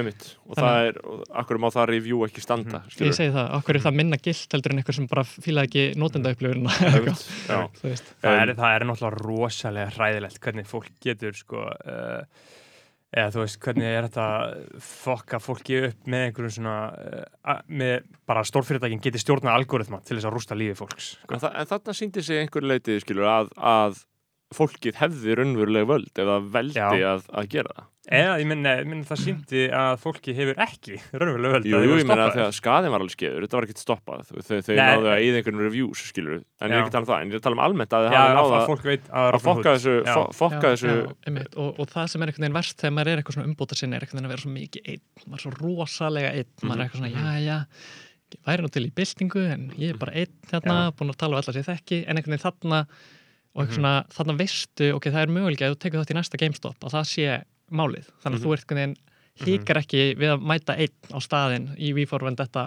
átsettinuðinu, skilur Einmitt. skilur, bara því að það er sjans að allir hinn séu líka bara að hugsa nákvæmlega sama og það er bú, komið þessi sko samrýming samræming þarna milli sem að neti getur Mm. veitt og er komin þannig rosalega sönnun á. Það er, Já, það meika sens. Uh, sko, þannig að við draugum saman uh, cryptocurrency umræður og allt það, þá eru við búin að komast að því hérna að þetta er framtíðin. að fólk eigi að uh, spá í þessu og kynna sér þetta, meina og fjárfesta í þessu eða vil taka þátt í uh, veislunni sem að framtíðin er uh, en þá kannski spyr ég þig að lokum með það Gun- Gunnar að hvernig sko ef að segjum svo svo að fólk vill vita aðeins meira um þetta, ég meina hvernig fer maður að því að menta sig um þetta er einhverju svona core textar, er einhverja bækur uh, ég myndi hugsa að flestir myndu googla nei, myndi fara á YouTube og skrifa Bitcoin Explained og finna eitthvað vinsasta myndbandið þar. Er það rétt, er verið að blekja fólk þar? Þetta er, þetta er mjög áhugavert sko, hérna, það er nefnilega svo marga leið til að byrja á svona hlutum þú veist, uh, segjum svo við bara ekki neitt. ein, ein og líka svo mörg markmið þú veist, markmið er kannski bara að fá góða fjárfestingu og koma spar, eitthvað svona hluta að spara sín sínu Mhm. þarna inn, ég meina þá er bara ekki villist að followa mig á Twitter. Mm -hmm. Og sjá hverju ég followa á Twitter, þar er allavega komin einhver svona síun Mhm. á einhvers konar fjár, fjárfesta sem hafa náð góðum árangri í framtíðinu og hafa góðan skilning á þessu öllu saman. Mhm. uh, ég þekki ekki góðar bækur en, en, en hérna ef þú bara googlar, ef þú myndir followa einhverju sem ég er að followa og, og gera síðan leitaða books Já, frá þeim sem þú ert að followa eftir það þá hérna, geti það verið. En hérna það er ein bók sem kemur upp í hugan sem ég ætti eftir að lesa sem er frá stofnunda Digibyte uh, sem að hérna heitir held ég Blockchain 2035 Mhm. það er svona langtíma hugsandi maður sem er bara að segja og veist allt sem ekki sens og hann er ekki að hugsa bara hvað gerist á morgun, hvernig verður söflan á morgun hann er að hugsa bara Mhm. í árum og áratugum sko Mhm. og, og hann er að byggja upp uh, sinn miðl eftir því, Digibet hann er þetta steig til hlýðar, hann þótt ómikil trumpisti og byssukall og svona en Já, já, hann er samt einhver verri fyrir því sko nei einmitt. uh, Já, ég minna og Var ekki Jeff Bezos að stíga til þér, já? hvað Jú, segirðu? ég, ég væri til að segja nokkru hluti um krypto áður en lokum, ég held Já. að sé nokkru svona þræðir Já. það var sér að Já, við erum ekkert að hætta en bara kom, já, komdu með já, það. já, hérna, það er hérna með, með Venezuela og krypto og slíkt sem Mhm. ef við förum bara alveg í byrjunina Mhm. Góður kontrapunktur hérna eða þannig Mhm. það er sem sagt um, þá þekkja þau takmarkanar af krypto, ég var að segja, það tekur langa tíma og það er sendingakostnaður Mhm.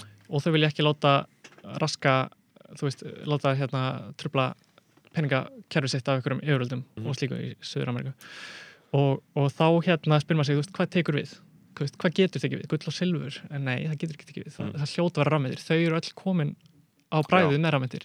Mhm. Og þá segi ég aftur, bara fyrir alla sem að hafa einhvern áhuga að bjóða velsaldinni í líf sitt, bara þið getið skráðið ykkur fyrir 3600 Bitcoin Black á bitcoinblack.is Mhm. og, og Bitcoin Black er þess eðlis að það getur verið greiðslumiðl í daglegu lífi. Að sendingakostnarinn er 0, þannig getur sendt batnið með, með, með 5 kall út í búð og, og, og í rauninni fólki í þróunarlöndum greiði 0 af því að það sem er lítill sendingakostnar fyrir okkur er kannski bara mikill í Nepal eða, Mhm. eða öðrum löndum.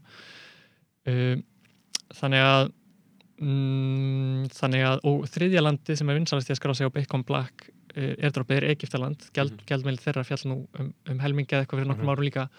Og það er eins og Íslendingar séu bara alveg búin að gleyma þegar þetta gerist fyrir okkur. Ég held að, ekki mann ekki, það að gera svona 13, 14, 15, 16, 17 eitthvað svona, þá bara, nú eru bara alveg búin að gleyma öllu sem gerðist þarna fyrir nokkrum árum þegar það virt, það virtist vera að við gætum ekki keft ólíu og lifin í landið eins og við áttum ekki erlendan gjaldri Hið- Hið eiginlega hrun eiginlega, eiginlega hraun Mhm. algjör forleikur sko. Þetta er, Mhm.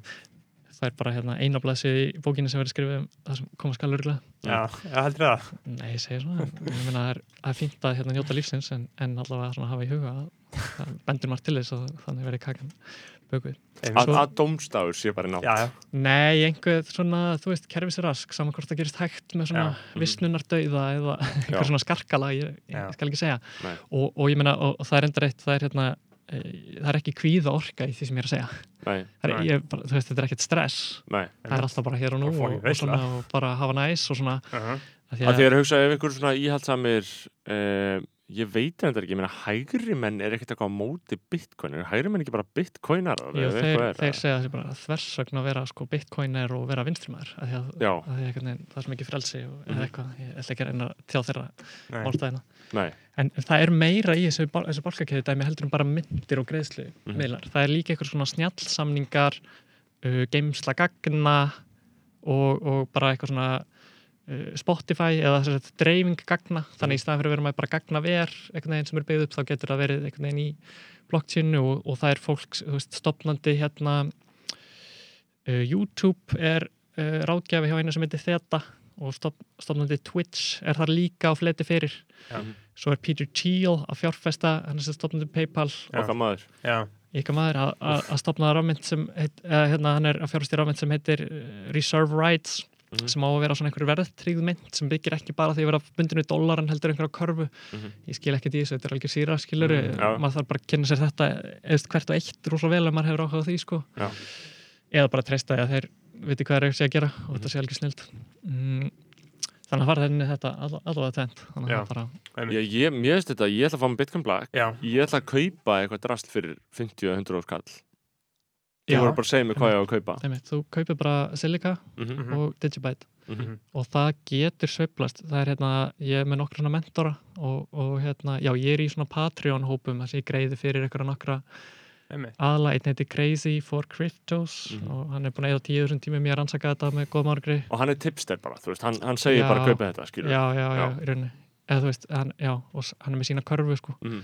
Svo er ég meina sem er kannski meira svona kannski spákona sko, SL369 Já, en, en hún er einhver verri fyrir það eða bara bet, miklu betri. Eða þú veist, það er svo fyndið að þau komast á sömu. Já, Hann, hún- hún hann, hann út frá vísindum og hún út frá einhverju tilfinningu. orkulestri og svona. En, en líka ekki bara orkulestri það sem fylgir líka er að segja þegar maður kemur fyrir orkulestri maður sér svona Mhm. einhvern veginn miklu starra sammingi þú þarft ekki að kafa hann í smáðurinn að þú sérð bara já. Uh, já, augljóslega er augljóslega er reserve rights að fara að ná orðingri bara þú veist, einhvern veginn svo augljóst. Og svo getur þú kafað hann í smáðurinn og staðfest það skilur ummitt en einhvern veginn þú þarft þess ekki, þú þarft ekki eða tíma í einhvern veginn að, ná, ná svarinu fyrst. Nei, einmitt, en, en sko talandum ég meina, ef maður, talar um þetta líka bara í svona víðari samhengi, síðara samhengi með, við, við lífstíliðin og, og við hvernig maður að hvernig lífið maður að lifa almennt, skilur ef ég eh, sé sjálf uh, takir sjálf þessi dæmi að það er náttúrulega uh, hver er sjálf sér næstur. Uh, ef ég færi einhvern veginn að, að fjárfesta í, í rafmynd sem ég ætla að gera þá þannig að Uh, þú veist, þá er ég að hugsa skilur, verður það þá bara eitthvað lími, þú veist, er ég ekki bara að fara að lesa hérna, þú veist, eða öllum tímanum mínum að lesa bækur eða, eða, eða hóra á bíómyndir eða neyta listar, er ég bara að fara að hugsa um eitthvað fucking rafmyndar fucking gengi, ég, skilur ég sá hérna eitt tweet sem ég held að hafi svona verið svona frægi hjarta mitt sem að allir því að ég fór allavega ekki setna inn í rafmynd það var svona þekkið einhvern sem að hefur byrjað að kynna sér rafmynd sem hefur ekki farið all in. Já. Og, og, og svarið er einhvern veginn nei, þannig ég var bara ekki að ég get alveg skert það núna ég þarf ekki að, eða það var löngu, löngu eftir ég sá Já. þetta tweet, ég hef ekki fundið það ég ekki- Já, en þú veist, að því mig langar miklu meira bara að fykta við þetta, ég nenn ekki ég, en svo ég, sérðu bara Já. svo sérðu bara, herðu, auðvitað Já. Skilu, og ég er svo ógíslega snemma í þessu og einhvern veginn eins og til dæmis bara ég, ég er með eina spá sko, einn daginn innan eins takja fimm ára Mhm. þá mun bara mun allir og af þeirra vera bara gargandi brjálæðir að reyna að kaupa rafmynd mhm, það bara kemur þetta moment einhvern veginn þar sem allir eru bara gargandi brjálæðir að því allir eru gargandi mhm, og þá er gott að vera bara núna í róliheitinum bara með kakobotla í sloppnum að Mhm. skrá sig á binance.com og eða Coinbase eða Kraken eða annað og Já. Coinpanda Já. og hérna og bara gera þetta. Og, og, og það er margt svo þroskandi í þessu. Ég bara mæli líka bara með þetta upp á þroskan fyrstulega eru svo ógeðslega mörg sem einhvern veginn höfum aldrei tekið skarið að gera eitthvað. Við erum alltaf einhvern veginn bara svona híkandi við það. Og líka við erum hrætt einhvern veginn fyrst þetta er mikið mál. Á ég þetta raunverulega? Þetta er eitthvað blandarist fyrirtæki eða erum svona að flækja hlutina fyrir okkur. Mhm. og svo bara að að standa með sjálfum sér sko. Mm. og Fylgja einn einsæ. fylgja eigin innsæi Mhm. og ekki stjórnast að hræðslu af því að það er líka eitt með þetta sko þú kannski sérð, einna, já ég geti keft þetta 20 sem mótir enna í mars krísunni mhm. ah, get ekki keft þetta núna. Eitthvað, svo eftir ár eitthvað, ah, það er búið að 20 valdast aftur. Já, og, og þetta er þetta minnstur þetta svona neikvæðni minnstur sem þarf bara að rjúfa. Við viljum bara að hlustendur sko, hlusta á einu hugsanir og segi bara nei takk þegar þetta byrjundir, Já, að þetta byggist á okkur um tilfinningadræfir sem var installað í okkur í Mhm. skólanum og þessu guðsvólaða divitaminskort landi þegar ekki hægt að fara bara í divitamin bekkina í sælunni já, Já. nei, ég segi svona, ég ætla ekki að fara að mæla með því hérna Nei, nei, en hérna, þegar var ekki hægt að kaupa bætaefni frá ná mhm, Mhm. og hérna og bara, þú veist, bara standa, standa með sér og Mhm. gera eitthvað Já, gera eitthvað A- a- eins og þú, ég meina, hvað gerir þú? Ert, ert þú í dagvinnu líka eða ertu bara bitcoinast? eða- mm, svona, ég er með rekstur Já. uh, sem er í uh, byðstöðu vegna hérna samstarfs við annan aðla Já. þannig að það hefur verið uh, mjög heppilegt frá svona fórlega sjónarhóttni að hafa meira rými fyrir þetta þessa dagana en, en svo er ég náttúrulega ekki að gera þetta frá maður til kvölds en kannski er ég að melta þetta svo áhvert þegar eitthvað grípur mann þá er, er það það sem maður vil kíkja á í símanum eða það er það sem maður vil veginn vera Einmitt. hugsa um þegar maður er í göngutúr og svona sko. Já, en þetta er, hefur gert um þverbak hjá mér sko, svona uh, hagnaðurinn uh, á hugsunareiningu er ekki mikill Nei, núna sko. einmitt. það vantar smá ferskleika í þetta hjá mér stundum Einmitt. En ég meina við sjáum fyrir okkur, uh, ég er mikill uh, útópíumæður, ég sé fyrir mér bara uh, að, að verða ríkur, skilur, að maður verður ríkur, þá þarf maður ekki að gera neitt sem er leiðilegt. það er Já. svona, svona fólki sem er svona skengt eða þannig, það segir, Mhm. þú veist þessar rafmyndir eru komnar á jörðina þú veist, til þess að svona rétta af Já. ákveðna skekkju í svona verðmyndaskiptan í heiminum Mér fannst það mjög fallegt uh, vinnur minn sem að, eða, ég, ég, það, það sittur alltaf í mér að hann var raukstiða fyrir sér af hverju hann, eða, eða, hvernig hann hugsaði um bitcoinið. Uh, hann talaði um svona peppandi sko, hann, hann, hann, er, hann er trúþur eins og við sko, að, að hann hefði aldrei nokkuð tíman, hann er listamæður og hann hefði aldrei nokkuð tíman séð fyrir sér að vera ríkur. En nú er hann komin í kryptóið og bara já, ég er að fara að vera ríkur. ég er að fara að vera miljardamenningur og við tölum um að þegar við erum orðnir uh, miljardamæningar þá fyrir við að hafa áhrif á pólitíkina ekki? Jú, það, það er mitt bara minnstur sem ég hef séð frá svona frekar svona stóru leveli að sko það tvítaði nú eitt góðu listamæður daginn. Mm -hmm. uh, Jóhann uh, Kristoffer, hann segði þarna er þetta eina mannúðlega leiðin til þess að vera ríkur? Og, Já. og, og, og hérna ég, og, ég, ég var að tala um hann Já, sko, ég veit að ég var bara, vildi ekki hvort þú vildir hérna halda nafnið fyrir hann. Ég held að honum er að vorkun það er hérna þú veist, það er málið, þú veist, ef þú ætlar að verða ríkur almennt hinga Mhm. til, þú þurftir að vera í blóð, annarkvort sko að vera einhver erðaprins eh, eða vera sko leggja blóð, svita og tári í þetta og verða pínu geðveikur á leiðinni einhvern veginn, já, já, það er svona leiðin Já. sem flestir ríkir hafa farið. Já. Já, að því að maður verður svo styrður að þú þurftir svo mikið að vera horfa í örin og er sko svona erfiður. Mhm. já, og, og, en núna einhvern veginn getur verið bara í jóka og einhvern veginn gamepenningandi flæða bara upp. Já. Og ég býð svo eftir að fá e-maili frá einhverju sem, þú veist, lagði allt inn í einhverju vittleysu og hérna Mhm. kemur sér eitthvað þú Æ, sagði ég- að þetta ég- er eitthvað svona svindl það eru sumir bara laðast að svindli. Þau eru bara svona, eru Já. orkustíi þar sem einhvern veginn svindl hljómar eins og einhvern veginn það gálegasta. Ég er nefnilega sko, það er það sem ég hef verið að tala um með þegar negli einhverja svona varnagla við, við það þegar Frosti Lóasson er með þetta fólk í viðtali ég segi það bara, ég tek Frost alltaf fyrir ég, bara man, ég, ég man bara eftir því þú veist, ég hlustaði, ég hlustaði ekki einu svona á það en ég sá bara einhvern veginn, allt í einu var uh, forsetið að formaður rafmyndaráðs já, komin, fórum, já, hann er, konungur. Já, ekki, hann, hann, hann er mentaður lögfræðingur og Já. býður fólki upp á þess að ég hlusta á viðtali sem Harman Getton tóku við hann já, hann býður fólki upp á, bara þú getur bara bókað tími á honum, kostar kannski bara tíu skall eitthvað, tíminn bara veit. tími, þá getur bara spurt hann ráða aðalega sko lögfræðilega hliðina af því ég hugsa núna sko að þetta hljóta hafa verið fordóma þess að ég sá að hann kom til Frosta á þeirra og síðan sko daginn eftir var ég með Frosta á Facebook og hann kom inn þarna bara uh, út að borða með gaurnum og ég hugsaði bara fokk það er að draga Frosta inn í eitthvað skilur og ég vildi ekki horfa á það skilur uh, að því mér ekki bara vænt um hann skilur en það var ekki málið, ég var bara með fordóma held ég. En nú, nú minnir þetta mig, ég vil líka segja við hlustandan skilur það er, það er sko svona fimm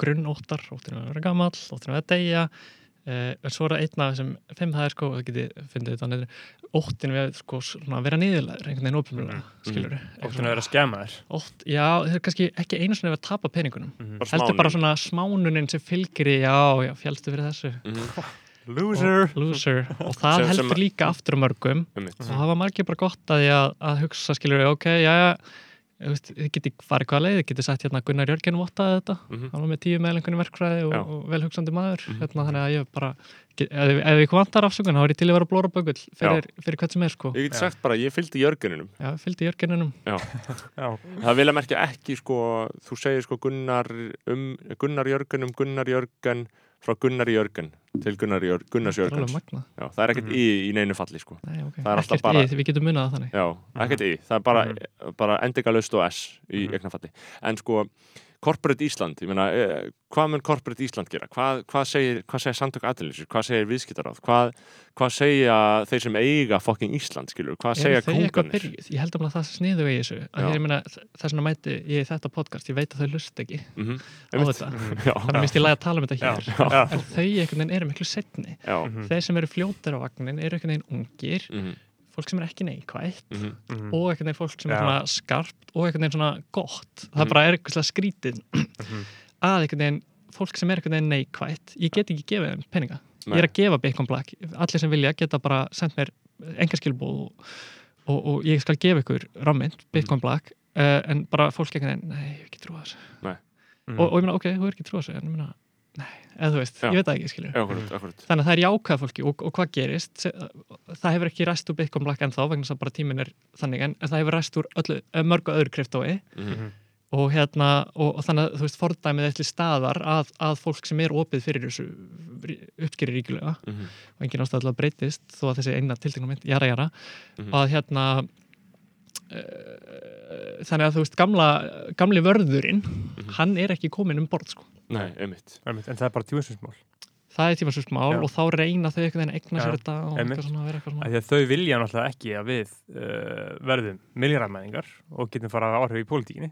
Þau vilja ekki Nei. að... Ég held samt þau vilja að- ekki ef þú hugsaður þetta sko, af því að maður hugsa um, sko, ef maður hugsaður um, um, um lífið að bara á þessum eðlu basic marxísku, nótum sem við höfum tilenga okkar hérna í skoðanabræðum að, að við séum hérna með öru og síðan séum við með eigna fólk eh, og, og þú segir, þú segir, Mhm. skilur, þú segir þau vilja ekki Já. að við verðum rík Já. ég held að þú tekur bara einhvern úr einhver, einhver sneiðmynd af þeim hópi sem við erum að vísa til þegar við segjum þau vilja ekki, þú tekur bara einhverja sneiðmynd, bara einhvern gaur bara Mhm. gaur í blári skiptu og jakkafötum Mhm. og bara heldur svona hérna og spyr bara, hvað vilt, veist, hann vill alveg að ég verði ríkur. Er er það blá, blá, bláum er hann tilherir ekki þessu, þessum hópi er það? Nei, bláu jakkafutum, Er það ekki öll í svona frekar dökkgráum eða svona mjög dökkbláum dökkbláum og síðan blári skirtu eða hvað? ekki í blárri skirtu hann var í ekki, HR hann var í HR það er bara launafólk og málaliðar. Já, ég er að tala um málaliðana. Já. ég er málaliðar já, þessa já, já, já. einmitt, ég er ekki að tala um raunverulega Bara ég er ekki að tala um Sauron Nei, nei, nei, en Sauron, er, hver er Sauron þá? ég skilur? ekki að fara að nefna neina. Nei, Nei,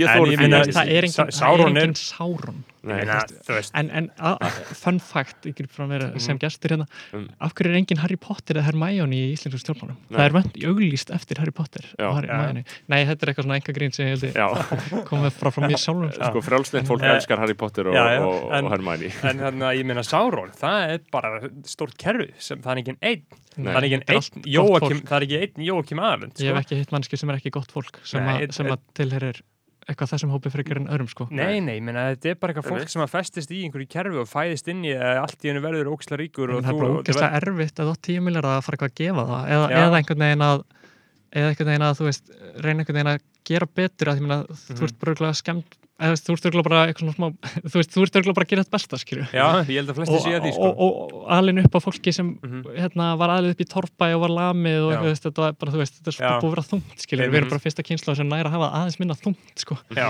ef við, ef við svo kjósum þetta er bara eitthvað torfbæður og hellir hellar, sko já, þau eru bara lamin shit já. bara.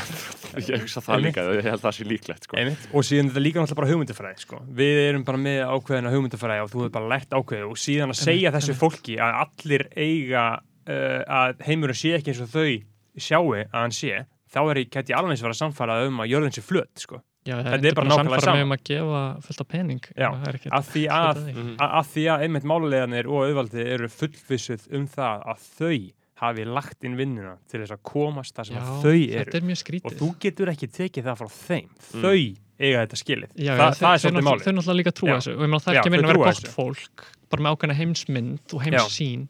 Mhm.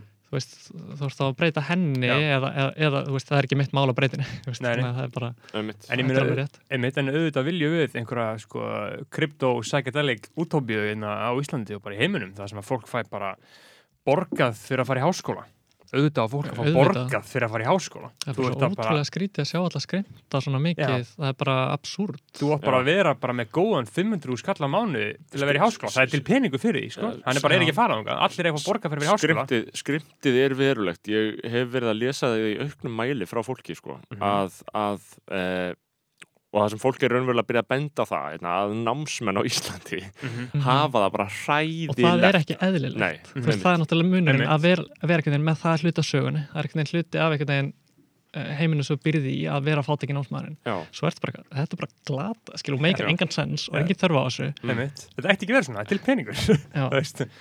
já, tilbeiningur en ég meina, þú veist, maður lætur hann ekkit að hendi fólk vil ekkit gefa peningana sína, skilur en þá þarf kerfið að gera já, það er það kerfi að einmitt búa til og sko. það er hluti, það kemur aftur inn hérna, með hérna, takmarkum verðmæti eða slíkt Mhm.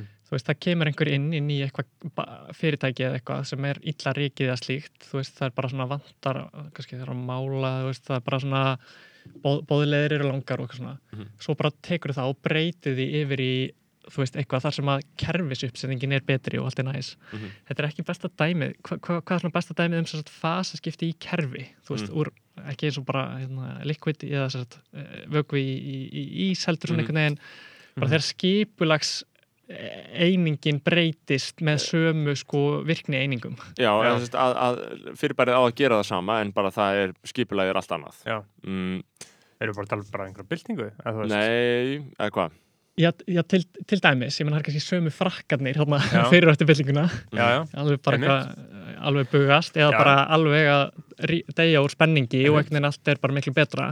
Mhm. Eh, Ég meina, og, og síðan var þetta eins bara í Rúslandi 1917, ó- oktober, þannig að þeir taka völdin og Nei, ég meina, svo, svo ertu líka með bara allt er bara miklu betra eins og bara ef þú tala bara um bara sem við þekkjum, þú tala bara um að því ég var að hugsa um, búin að hugsa um útvarp mm -hmm. ef þú eru með bíla uh, og það er eini staðin sem fólk kveikina þá útvarpi nú í dag annars er það bara, þú veist hlusta á sitt eigi bara úrval af efni.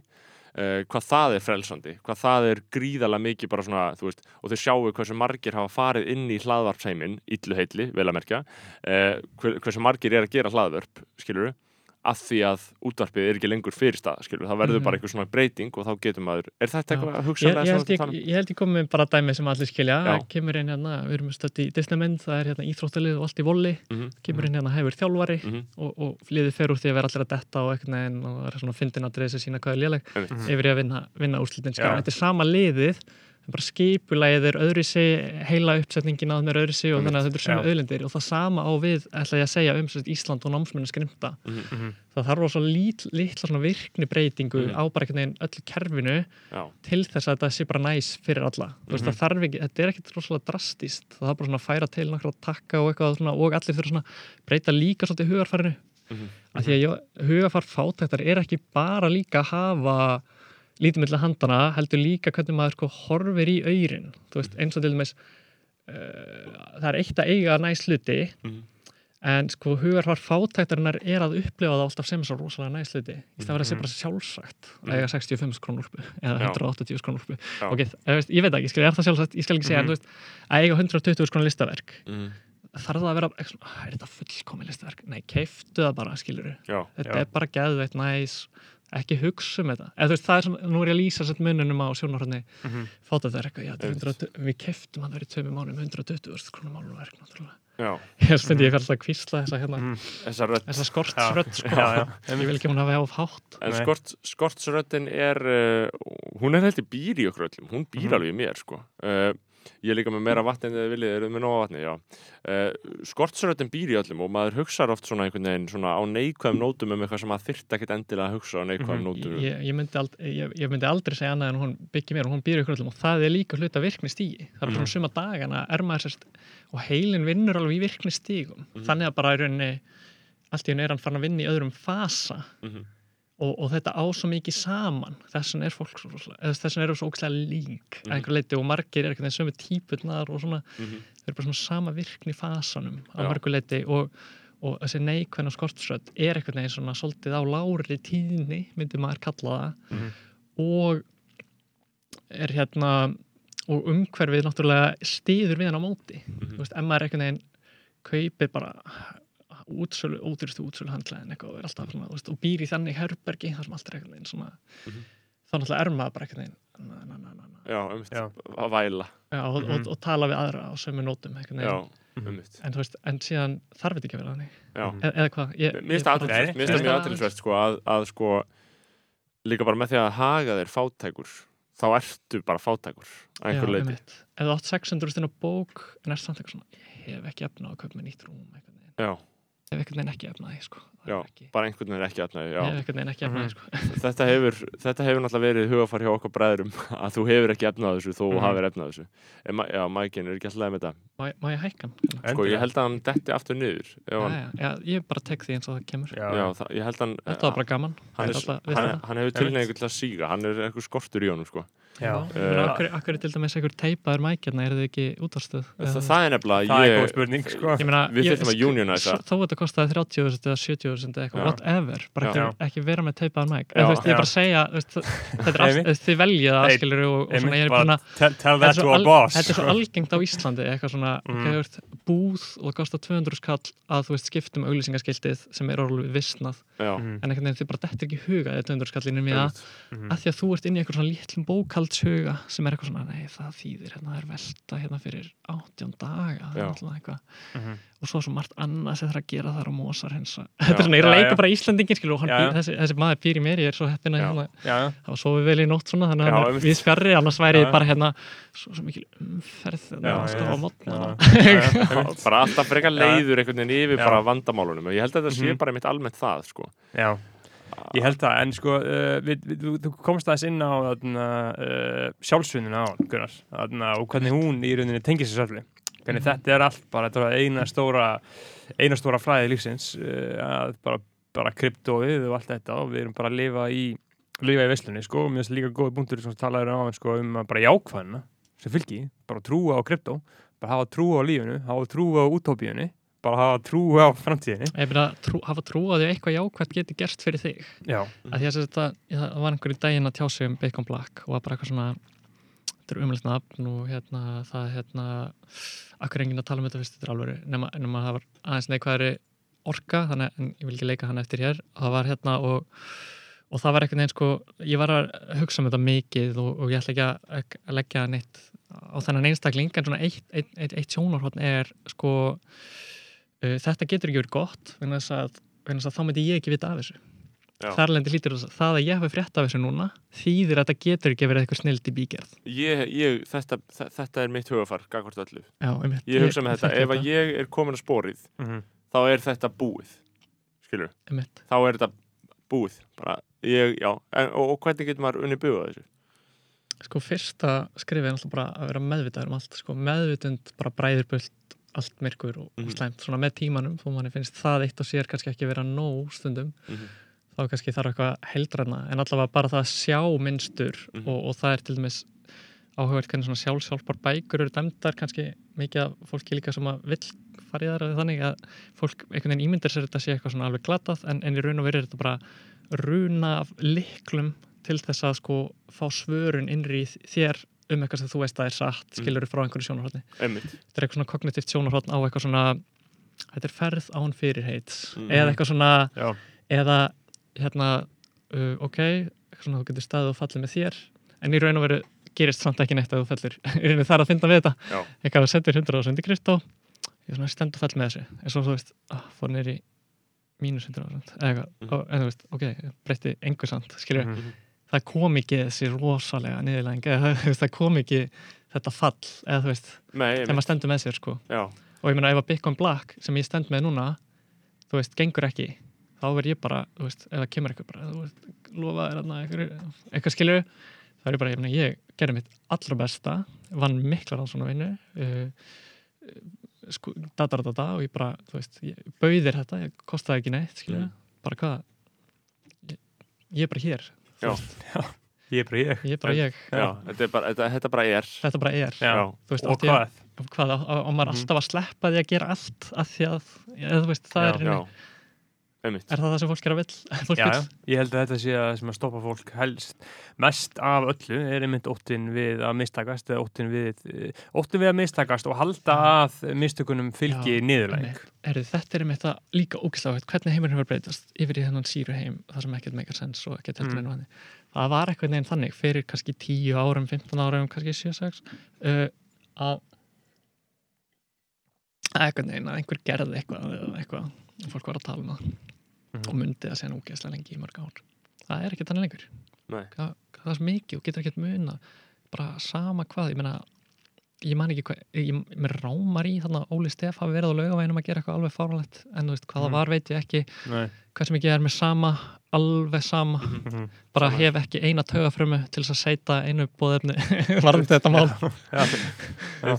Bara, Já, akkurat, þetta er það mikið og þetta er eins og við höfum upplifað með hennar þátt hérna við segjum alls konar og Já. fyrst þegar við byrjum þá var ofta eitthvað svona fokk maður, ef að þetta er eitthvað svona teknir fyrir, eru Já. cancelled þá eitthvað titraði maður að bara fá eitt neikvægt komment ég bara sko. gæti ekki sofið átt eftir að við tókum um þætti sko. ég gæti aldrei sofið eftir þætti sko. Veist, bara, ég var bara, já, já, þetta gæti verið mómentið sem þetta búið fyrir mig en núna bara, það er til svo mikið af þessu Já. það er bara, það er svo mikið sagt og það er svo mikið hugsað Mhm. að það bara, það er það, að, það er allt, allt í lagi. Já, af því það er svo fyndið að ímynda sér reyði ímynda ykkur að þið heyrið eitthvað sem einhver segir sem einhver bara einhver bláskýrt át í bæ segir um eitthvað og þið finnst það bara að kjafta skilur Mhm. þú hugsar í eitt sekund bara, hm, heldur áfram, skilur mhm. Mhm. það er engin hei, hvað í fokkanum Nei, þetta er bara eins og þegar ég les fréttablaðið frá Já. allu á morgnana bara Já. og markaðin á Já. miðvíkutum, les allt í einmitt. og hugsa allan tíma bara wow, wow, Já, wow hvað þetta er algjörlega overdimensional í heimskulegt allt. Já, já, það er ótrúlegt og bara stað, ekki, ekki, ekki, svo kallar staðrindir Nei, Nei, einmitt. nei, þetta er bara eitthvað, þetta er bara, bara skrifað og prentað út og þetta er bara erið inn á heimilinu. En ég meina sko, Chom- Chomsky talar um það að uh, þú læri miklu meira á því að einmitt lesa þetta.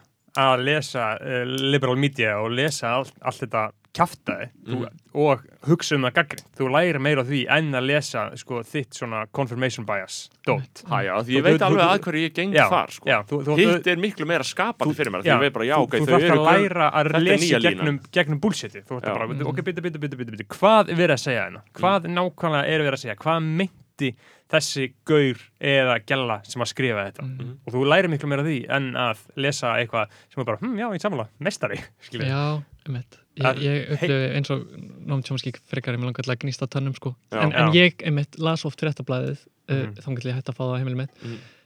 einmitt til þess að reyna sem svona andlega yðkun að, að láta þetta ekki fara í taugunar á mér. Að þau séu öll bara brjálæðingar að skrifa um Mhm. brjálæðinga Mhm. að gera brjálæða Já. hluti. Mhm. Og láta eins og það sé bara það status quo bara, það sé bara svona að því þetta er bara, þú veist, þetta er bara hlutur sem heitir bara.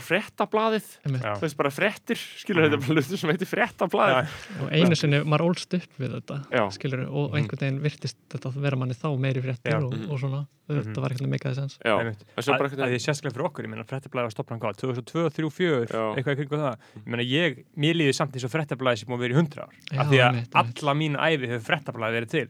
Og sérstaklega þegar maður var krakki þá voru dagblöð ennþá bara almálið þú veist, maður var bara að labba út, maður var alltaf að sjá blöðin á öllum hotnum skilur svona, í svona dunk saman, veist, maður bara blöð skiptur rosalega miklu máli, það er eins og það er bara fréttablaði það er bara eitthvað sem þú elst upp með. Og það er bara fasta í lífinu, að eilífu. Og þú væntalega átt að trúa þig sem er sagt í blaðinu skilur svona meira minna alltaf Já, já, það, það, þú átt að gera það en þú veist, það er eins og þetta, þetta er bara brjálæðingar að skrifa um aðra brjálæðingar það var mín upplifin en, en, en þeir eigi ekki að fara svona í taugunar á manni sko. Nei, Nei, nei, ég, ég læti ekkert fara í töðar Jú, ég hef Ég alveg fari gert það taugarnar á sko. mér, sko. Já, já, ég ætla að reyna að fara út í það að maður lætur alveg fólki í þessum bláa skiptum Mhm. hafa áhrif á sig og það er mitt sko, Mhm. Twitter er einhvern veginn bara með svona að laðast að einhvern veginn ákveðnum aðilum og svona Mhm. Þannig að þú veist það er alveg einhvern veginn hægt að verða einhvers konar skotmark að þú hefur ákveðna orku og, veginn og hefur áhuga að vera skotmark. Já, en en, veist, Já, og þú- getur svona mispirra mann eins og ég lendi bara á hann, ég var í, var í atna, ég fór í infraröða sánu og fór síðan í kaldabótin í World Class Vaspyrinni og hitti þar eh, gó- góðan, gó- góðan félag og hann, hann er yngri og var að segja mér frá mentaskóla árunum sínum, þetta var í þryggja ára kjæri, sagði það var umhelt og þá bara fekk ég bara svona, fuck! Þetta er pirrandi, það er eðlulega mentaskóla já, einmitt, að samtök auðvitað. lobbyðu fyrir því að mentaskóla sé þrjú ár. Þú veist, pælið í því. Já. samtök aðlýningsins eðlulega mentaskóla bara skemmtilega sem mannskja gerir Mhm. bara sem úlningur bara út af því að af, af hverju mentaskóla ekki vera fjör ár til þess að fólk geti fyrr fara að græða pening Mér finnst þetta ógisláhvert að því að mín skoðun er að hefða þetta stittan en bara munurinn er svo að ég hefði gert það eða það er bara einhvern veginn munur á framkvæma eitthvað, sérstaklega Mhm. sem er svona flókið af, af góðum ástæðum eða af ekki góðum ástæðum. Akkurat, en þú veist það er alveg að gera þetta fallega en Já. ef þetta er einhvern veginn bara til að tæta og, og einhvern veginn að- skemma. að að þú vilt alltaf stittan til þess að fólk fá bara, vá, ok, taktu þér ár og fara til Suðaustur Asíu í heimsæsu eða Suður Ameríku eða hvað sem er eitthvað. svona tæki fyrir að stokka upp stöðunum eða bara eitthvað svona gera eitthvað gott úr þessu. hvað þarf og hvað þarf ekki en, og en, það en, ekki en, markmiðið, en það er alltaf markmið hjá SA og fylgjendurum að fá fólk út á vinnumarkað Já. sem fyrst og þau, þau vilja líka hérna, stýtta leikskólan Já. og Já. fá fólk inn í skóla fimm ára já, sko, Já. ég, eins og það sé að fara að gera eitthvað betra Einmitt. í einhverju samhengi ég, ég held einmitt að, að það sé alveg óafturkræfi skadi sko, þetta með mentaskólana. MR var einu mentaskóla sem bærist gegn þessu, það var bara því að rektorinn var að hætta þannig að hann þorði því, þú veist annars bara mynda hann eitthvað, Já, já, skilur það er að díla við allt þetta shit og ert, ert alltaf einhvern eitthvað persónal non grata hjá Já. þessu fólki, sko mm. Sáron, Já, svo, Já, einmitt Það uh, er svo En- næs með krypto auðlegðina eða Mhm. bara eitthvað svona smá að, að vera minna háður þessu af því að þess, það eru nokkra leiðir til að díla við þetta dæmi að vera alltaf háður einmitt þessu, Mhm. þessu klíkum út um allt Mm. Já, veist, það er hægt að, að vera fjárhalslega sjálfstæður það er svo, komið svo langa leið svo Mhm. er innra sjálfstæði líka að sjá Mhm. að það verður engin alvöru skaði skeður Mhm. en maður gerir þetta ekki eitthvað á eitthvað máta það er eitthvað svona máti sem er svona venjuleg mátin til þess að vera Mhm. svona að taka svona afstöðu og þá er ekki við ykta mátan, ég er að reyna að fara út úr venjulega kassanum þar sem Mhm. það er annars verið ykta típan sem tekur eitthvað slægin og er með læti Mhm. og eins og er típan sem tekur eitthvað slægin á mjúka mátan og nær samt ekki árangri og verður samt svona bóla til þegar og nær ekki árangri Mhm. það er alveg hægt að vera manneskja ég get, þið með treysta mér það er hægt að vera einhvern ma- ein manneskja sem er að gaggrina og er að er að, hérna, er að gera allt og Mhm. miklu meira gagn af því Já. en er samt ekki rekin sem, eða þú veist, er samt ekki komið í vekk fyrir að fá í stöðu einmitt Þannig, þannig að þú trúir í að maður geti breytt hlutum inn í kerfinu veist, ég, ég veit að það er hægt Já. en, en, sest, ég, það, en ég er ekki að segja að veist, ég er ekki að segja neitt sko, annað Nei, bara einhver Nei. sem er í þeirri stöðu Einmitt að vera eitthvað svona, nú ætla ég að leika aftur eitthvað svona, eitthvað svona, annað kannski skólastjórni eitthvað, æ, ég get nú ekki farið á móti eða ég get nú einn í þessu á móti öllum hérna eitthvað og ég meina ef ég skrifa grein í blaði það breytir nú ekkert og na, na. en þú veist, en sama sko, sami líkami og sama manneskja Mhm. í svona öðru virkni ástandi kannski bara búin að fara í ræktina og og, og, og búin að hugsa um að í rauninni það sem skiptar mestu í lífinu séu konan og bönnin eða eitthvað og bara hérna og hann hafi nóg að býta og brenna. Hann getur kannski farið og gaggrind þetta og, og náð einhverju, einhverju fram án þess að vera nokkuð tíman látin sæta neinum afleiðingum sko. Það er bara heimurinn virkar þannig. Mhm.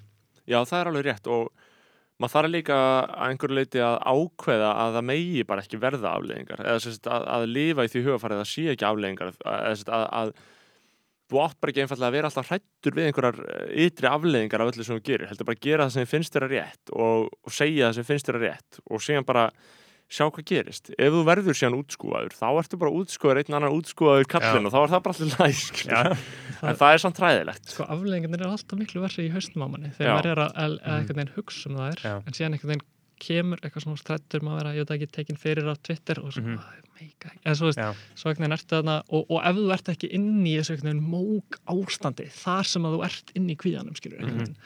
þá er þetta bara eitthvað fólk að segja ykkur hluti skilur Mhm, einmitt.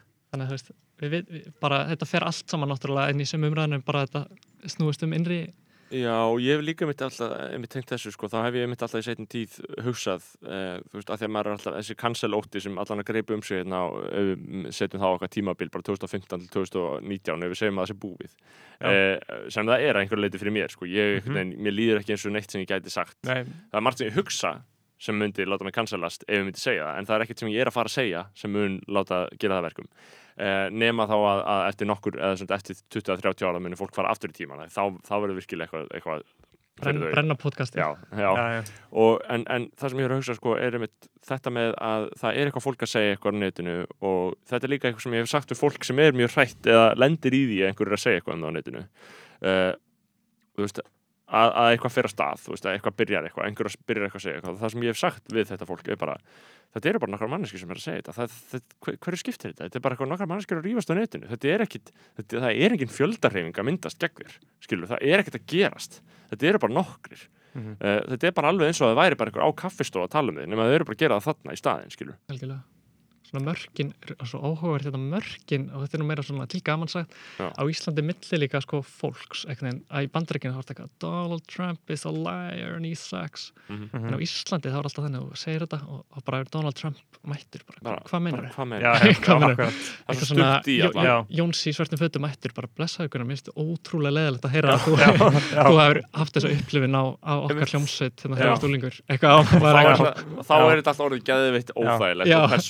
bara það, er það ekki hægt, það er ekki tilnýtt eitthvað að fyndi vinstri á Twitter það er alltaf bara Nei, hægri, já. er bara þetta með þeim líka og þess vegna uh, dáið sér svo mikið að fólki sem að, uh, og sérstaklega bara svona fréttafólki sem að raunverulega þorir og meikar að segja eitthvað svona beint um nafngreina einhvern og bara svona segja þetta beint út og skrifa eitthvað sem að er bara mjög erfitt að þú veist að manneskjan getur sendið message eða getur ringt þig eða getur bara pullað upp á þig Nú hef ég þekkt marga einstaklingi í þessari stöðu og þetta er náttúrulega ferlið sam og þið gengur í gegnum að þú byrjar á Mhm. einhverju, einhverju svona og svo sérðu byrju, það gerðist ekki neitt mm -hmm. þetta er, ég var bara að segja satt og rétt frá Mhm. og sangirnan hátt og svo bara heldur þetta áfram Mhm. og svo kannski segir reitstjórin að hann hafi fengið símtal og já ok, og svo fært þú símtal og ég meina þetta er svona Mhm. En það gerist ekkert, þú, ég meina, þú ert bara að vinna þína ærlegu vinnu. Mhm. Já, og ert þá með í rauninni þinn, Mhm. þinn, þinn, þinn hóp sem að er ekkert fyrir að útskofa þér fyrir þetta. Nei, þannig að það myndast, þetta er mjög fallegt sko. Þetta er mjög fallegt sko. Ja, það sem Já. er ekki fallegt er skorturinn sem það er alltaf að glíma við veginn, Já, að hafa aldrei veginn, nei, að, að þau hafi aldrei nóg. Eða þú veist, ég veit ekki, kannski getur lagað með hugarfærinu, Mhm. en einhvern veginn það er alltaf eitthvað svona, það er svo gott að maður getur lagað skort með hugafæri sko. Ég fíla það, en þú veist, já, það er einmitt öll fjölmjölu umræði hefur verið bara, síðan ég mann eftir mig bara, "Ah, það er ekki til nóg, já, þú já, veist, það eru fáir á vaktinni og þú veist, bara eitthvað það er náttúrulega alveg satt en, og það, það er alveg satt, þú veist,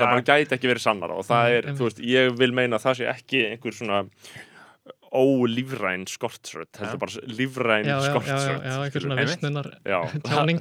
Og það er bara svona, þú veist, það er bara tré sem er að vissna, það er bara, þú veist, það er bara þannig, sko. og auðvitað á það ekki að vera hannig auðvitað á ríkið bara að hætta eða peningi þetta og það eða er að peningi hitt. skortsugsunin hjá ríkinu sem er að valda Já, þessu já, já hérna, ríkið á að sjá um okkur. Þetta er landið sem við búum í, skilur við landið á okkur,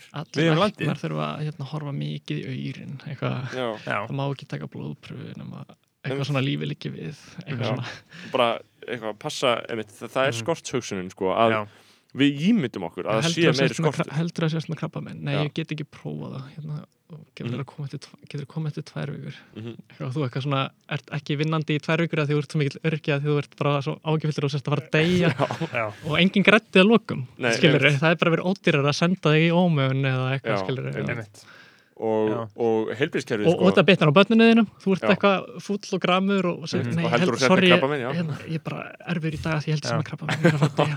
Er að að kannski. Já, Skilur veist, þetta er bara, og, heilbríðskerfið er ekki að grípa fólk, sko, ef þú er- ert með ef þú ert með eitthvað vandamál, þá er heilbríðskerfið á mörgum, mjög mörgum tíðum, sviðum, bara fullt af sviðum innan heilbríðskerfisins, ef þú ert með ágjur á einhverjum tildærum málum, þá er bara, þá ertu bara semi-fokt á Íslandi, bara vegna þess að það er bara hvorki klíník nýja ofnbært heilbríðskerfi sem mun vilja taka mótið þér strax, sérstaklega byðin, sko, byðin er svo mikil, sko, það er náttúrulega ótrúlega að fyndi fólk með aðteglisbrest og önnur geður en vandamál náttúrulega er líka í þessu og það er náttúrulega sko, þetta fólk ætti frekar að fara bara í bát og fara í svona riverrafting gegnum heilbyrðiskerfið sko, frekar en að vera eitthvað svona í mýri. Já, já, nú er ég í mýrinu minni. Í hvernig ætti ég að ringja og borga 3500 krónur til að hitta og fá svona ekki úrlausn á neinu. Og bara heimilislæknirinn er bara eitthvað svona hann gaslæta hann þig bara, hann er bara eitthvað já, Nei, veistu, sko uh, réttið bara eitthvað svona eyðublað Já. um það hvort þú sett með hilsukvíða og þetta er satt í mörgum tilfellum Já. og ósatt í einhverjum en þetta er Mhm. allavega sagan líka sem veginn þetta er upplifun okkar og hvers virði væri það ef upplifun okkar væri veist, Já. hversu mörgum miljórum maður hefði mátt að allar Einmitt. upplifun þjóðarinnar að því við tölum nú að sko, jörðin sveiflaðist sem held sko. Mhm. Íslendingar bara upplifa allt sem að allt sé svona glata eins og við Mhm. upplifum mhm. Einmitt. og bara ímyndi ykkur hvað, hvað sem mikið virkar ef við værum sem einstaklingar Mm. í lífinu ef við upplifum frekar að byrju, já, helbriðskeri gríf mig og það er næs og hérna þarf ekki Mhm. að auðvitað þessu og... og ef, ef skólakerfið ef, ef umræðan þar væri ekki alltaf svo bara að eitthvað strákar væru orðnir bara allir með tölu, bara alveg vangefnir skilur eins og tal, eins og orðaðan er alltaf skilur bara eitthvað svona strákar í skólakerfinu ég vil náttúrulega bara gera þetta að eitthvað svona löng, langri djúpslökun það Mhm. er svona það sem ég myndi vilja gera frá Já. 8 til 2 einmitt, í má skó, mæta, skólinn má bara mæta seint já, að því að sko streytan í líka líkömmum allra er svo mikil hérna, ég og hérna, vinn sem að hérna er bara ótrúlega fallegur uh, faðir og hérna var í MR, bara góðum ættum nei, hérna, ég veit ekki hvað það Mhm. mm. vinnur sem hérna, en hérna það er en þess að hann var stundum að lendi því að dóttir hans átti erfitt með að vakna á mótana Mhm. Og hérna og þau voru í staðin fyrir að pína hana einhvern veginn og draga hana og vera eitthvað þessi orka. Þá þú veist mættu þau stundum bara nokkru mínútu sent, fimm Já. sent og þau voru tilkynnt batnavendan nefndar held ég eftir tvö skipti eða eitthvað. Og maður er bara eitthvað svona slakiði á? Eða þú veist, ég, ætla ekki bara, þú veist, eða bara, hú, slökum á.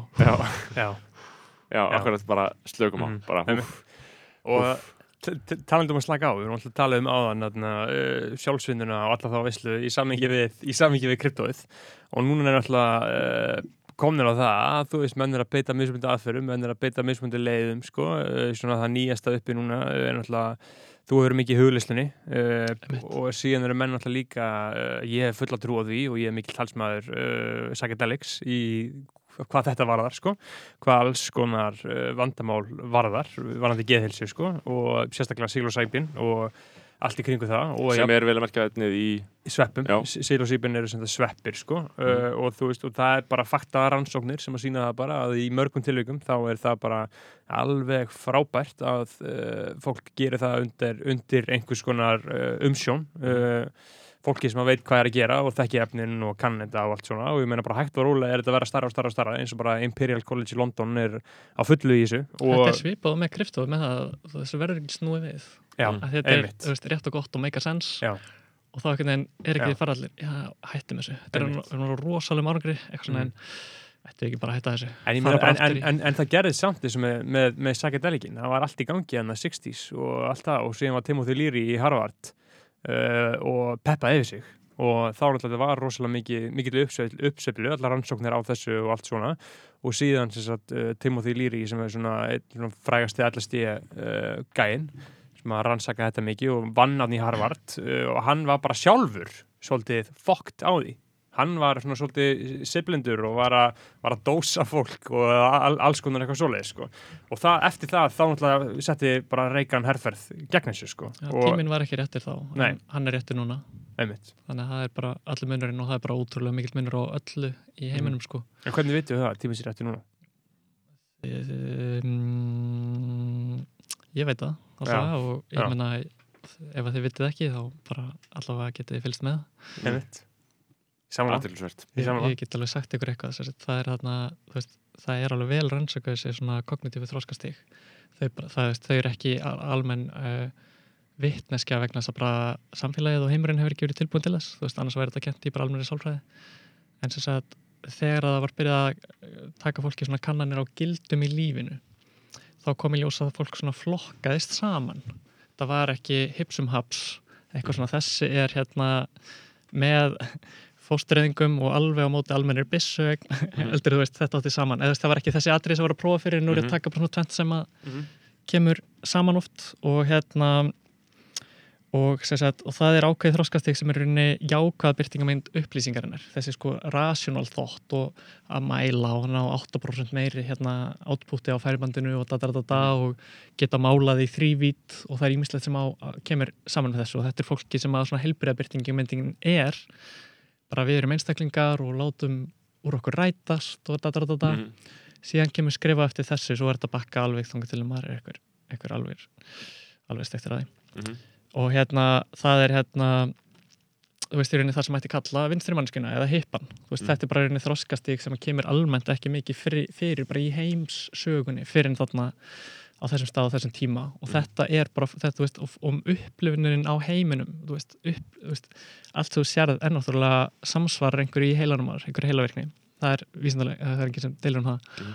og bara hvernig þetta viðmót þetta svona sjónviðmót og hérna viðmót sem byrtist þér og hvernig þú upplifir allt Mhm. eru mismunandi eftir þessum virknum og, og þe þegar þú ert þarna þá er einhvern veginn svona hættir að vera conceptualize allt sem svona dæmi og þeir, við erum bara hérna saman og, og einhver að reyna að vera yfir einhverjum öðrum það er ekki gott og, og að því að heiliðin er hættir að virka þannig að hann geti séð að Avengers er kannski ekki að góð og gott fæðir Mhm. þá, einhvern veginn, þá er þetta bara tvær myndir og það er alveg ákveðin sannleikur í því eða það er fullkominn sannleikur í öllu, þetta er allt bara sjónar Mhm.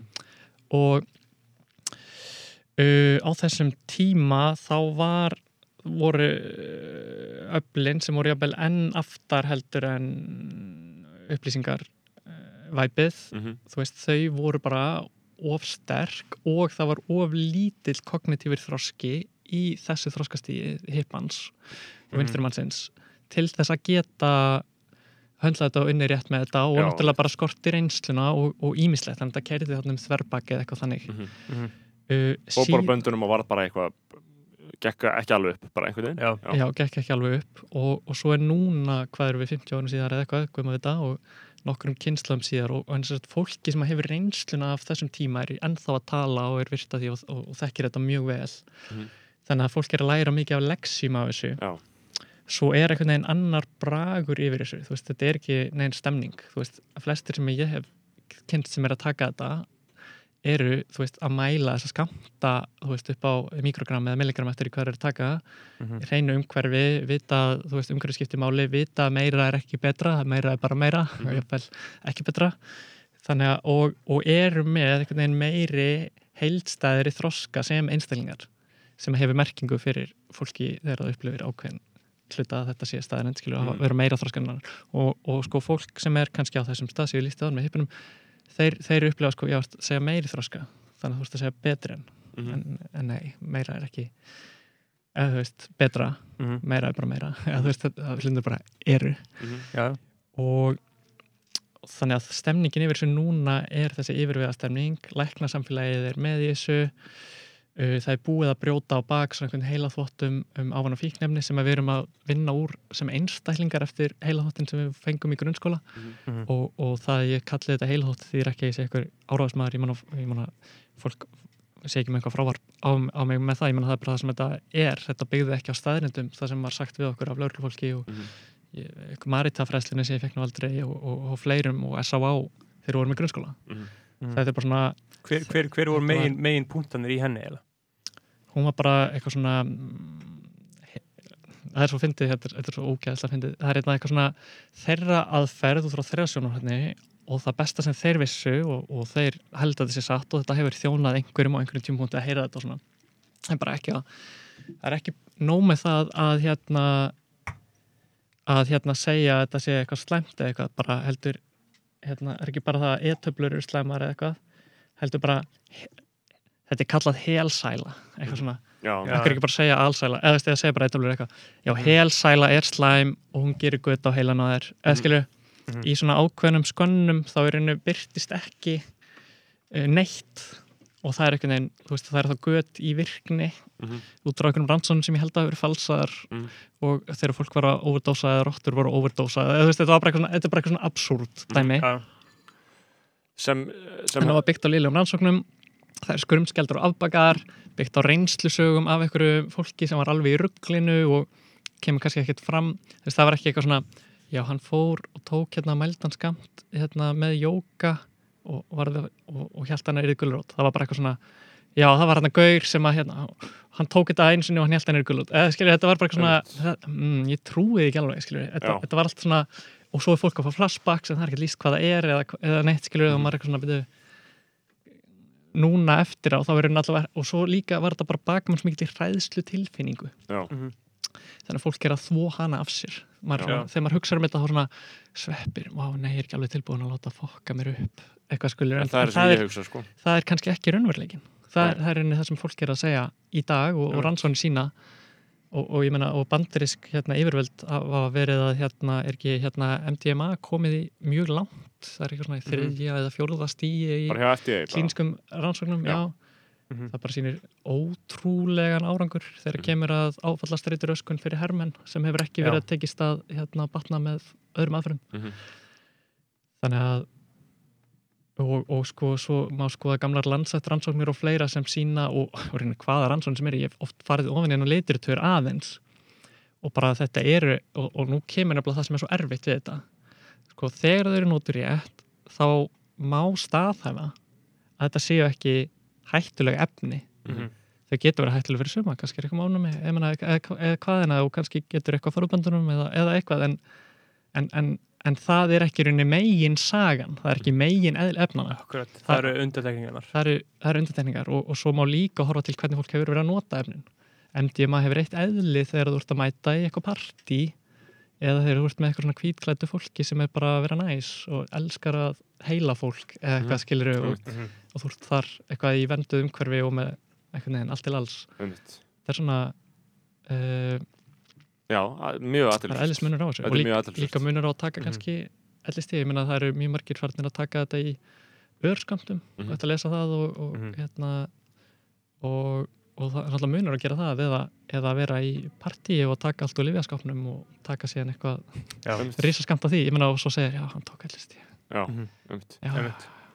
einmitt það að margir einmitt verið að nota þessa örskamta microdose það sem að uh, þeir fylgja bara ákveðnum svona protokólum uh, taka nákvæmlega þetta mörg mikrógrömm uh, þriðja hver dag eða fjóla hver dag eða, eða hvað sem það er sko. Það eru, það eru svona ákveðin svona stúdía og fræði á bakvið þetta til þess að fá sem mest út úr þessu. Og ég meina og bara ég veit nú ekki hvort að uh, þessi einhverja rannsóknir sem að sína fram á það en það er ekki búið að rannsaka held í microdosing mikið, Nei, en það eru til rannsóknir, já. einmitt.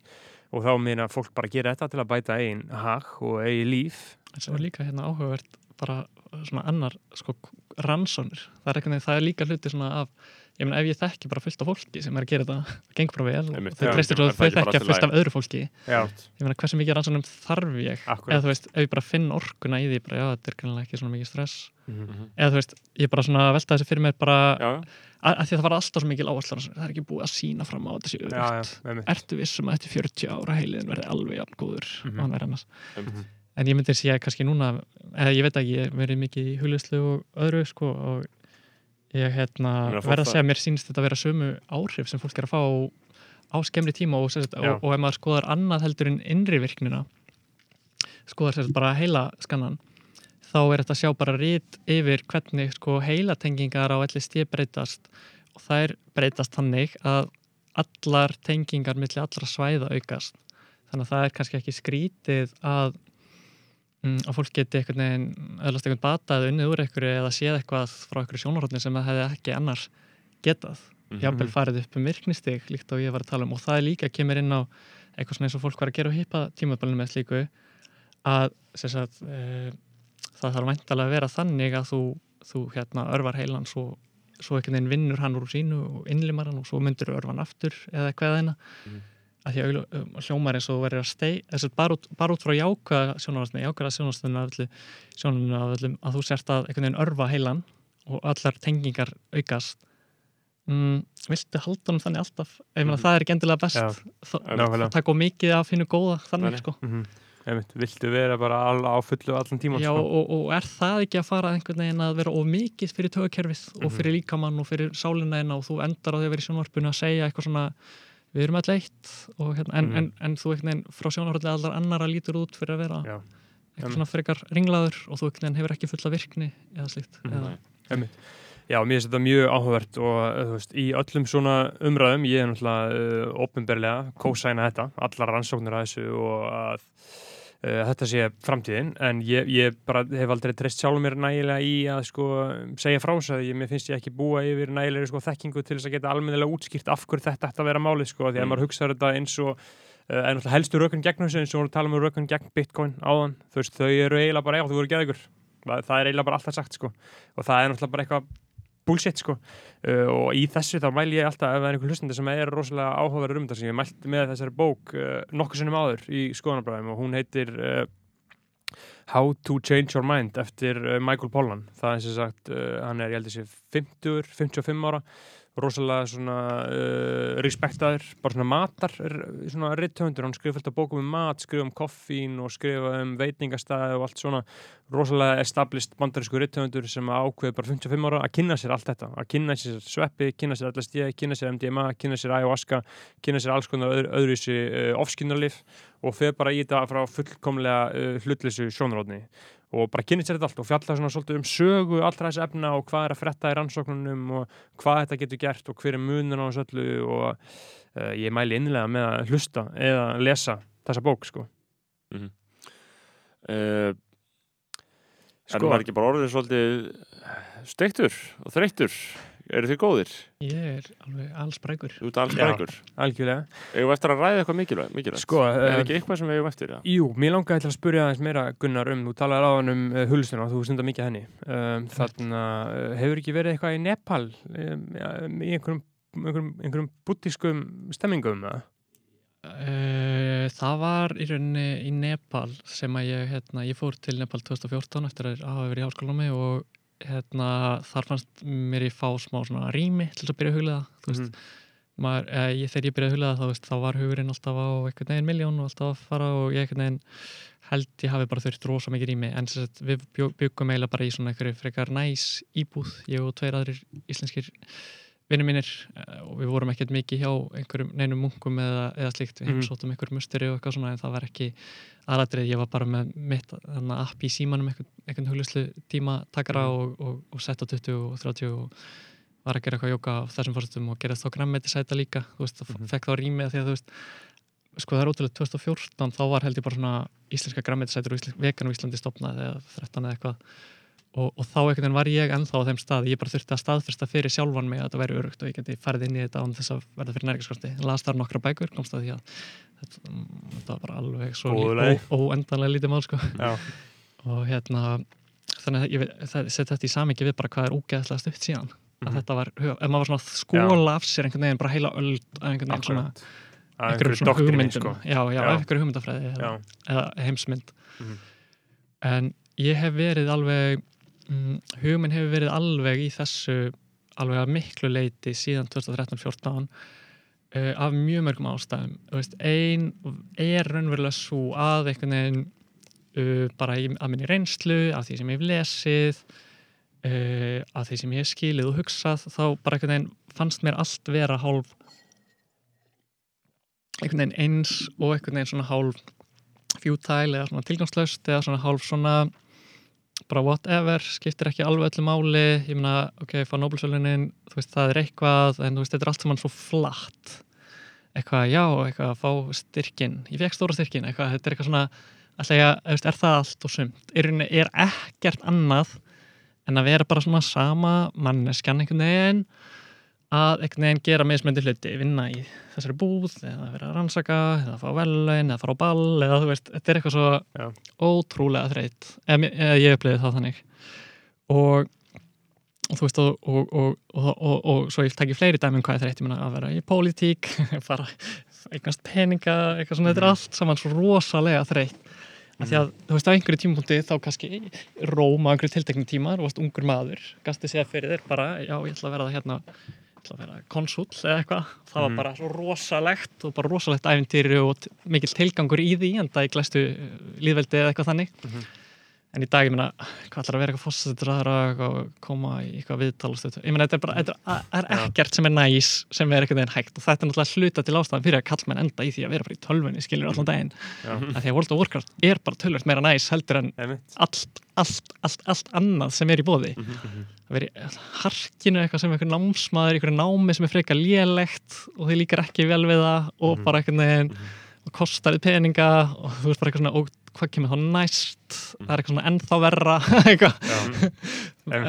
þannig að þetta er einhvern veginn svona endastöðin á gamla lífinu. Þannig ég hugsa bara svona, það er alveg eitthvað sem er svona smá möguleiki á að sé að svona aðeins að, að hóla þennan stein sko. Mhm. Og, og ég fann alveg að það voru alltaf sko, það var svona smá breyting, maður, maður leði alltaf betur þegar maður búin að Og huglega þegar hugleislunni sem, sem, sem þú, þú endaðir á þessum ágæta uh, stoppistöð, þar sem ég er núna sko, eh, Já, einmitt. og fórstu þá að huglega og ég þá að fara að huglega Já, þú þarft að, ég var búin að krasja aðeins meir en þú sko, Já, ég vil, ég vil ná þér aðeins neðar sko, já, hérna, Já. ef að Berglóður myndi glíma niður kannski, já, já, taka svona hárið á honum svona, Já. Það er kannski- hann upp einhverju drullibólli já, þannig að þú hugsi bara, ok, ég á ekki annar að kosta völ en að huglega, Já. já, bara því að hitt, ég bara meika ekki lengur. Mhm. og, og þá fær maður svona smá relief og svona Já. smá von, byrju kannski er þessi gulrót raunverulega en Mhm. mm. standurlega ekki en, en svo fann maður líka svona með smám saman svona aðeins meir breytingar. Eins og hérna, það var hérna þingmaður sem skrifaði svona nýðgrein um mig mjög skrítið eitthvað 2015 eða eitthvað. Bara svona tók mig fyrir sem bladamann uh, snýr út úr staðarendum, kom með rángfærslur og á þeim tíma var ég alveg svona eða þú veist, persónulega sjálfur mitt eða ego mitt eða, eða ég, eða einhver leiti þú veist, var bara svona misbóðið eða bara gróflega að mér vegið. Og náttúrulega mínum heiðri, ég var pislahöfundur eða Mhm. þannig skrifaði pisla og hérna og þá fór ég, þú veist, í sánuna í HÍ og, og láð þar, þú veist, og let þetta kast svona sjatna úr mér. Í staðan fyrir að fara inn í þetta skilur eins og, eins og margir hefði gert og Mhm. svara strax en, en þú veist, ég fór ekkert inn í eitthvað uppljómunar ástand en ég allavega náði, þú veist, ég tjúnaði mig niður á annað svona, að vera ekki í tilfinninga ástandi Já. þetta er bara eitt svona staksteinn á leiðinni og Mhm. svo og þetta er kannski, nú með búið ykkur undir að heyra eitthvað merkilegt svo er ég þarna mikið í sennhugluslinu á Íslandi og fer út til bandarækjana í fyrst í þrjár vikur og og hérna það er bara næs og, og hérna og en, en þetta er samt einhvern veginn sé ekki neina enda stöð í þessu aðra en það að vegna þess að þetta hjálpa manni frá því að vera geðveikur í Mhm. bara nútíma samfélaginu sem er alltaf veginn að reyna potið þig til þess að verða, alltaf missa bara vitið Mhm. verða þunglindur, uh, reyður, líða illa það er einhvern veginn og þetta er svona, er svona pínu eins og í svona bílaþóttastöð, að í svona nokkra dagar í trít það kemur svona endur nærður og geislandi út og ég man á, man ekki hvort það var 2017 eða 18 sem ég fór út og hérna kíkti ekki fréttir í einhverju viku svo opnaði síman og það er eitthvað svona Björt, fram, nei, hérna Björt Ólafs í kjóli í þingsalunum og maður er eitthvað svona oh my god, vil eru þið klikkuð Mhm. þið Já. vil eru þið bara snar veik eða þú veist, veist án þess að dæma, skilur við bara, þú veist Mhm. þetta er, það er bara mikið að Mhm. þú veist, við viljum ekki hafa þetta svona Mhm. eða þú veist, og þið veit hvað ég veit, ég er að tala um fjölmjölasirkusin ég er að tala um viðbröðin, ég er að tala um einhvern veginn það, að þetta hafi átt sér stað, ég er bara að tala um eitthvað ímislegt, Allir sé að láta eins og þetta skiptir um að máli já.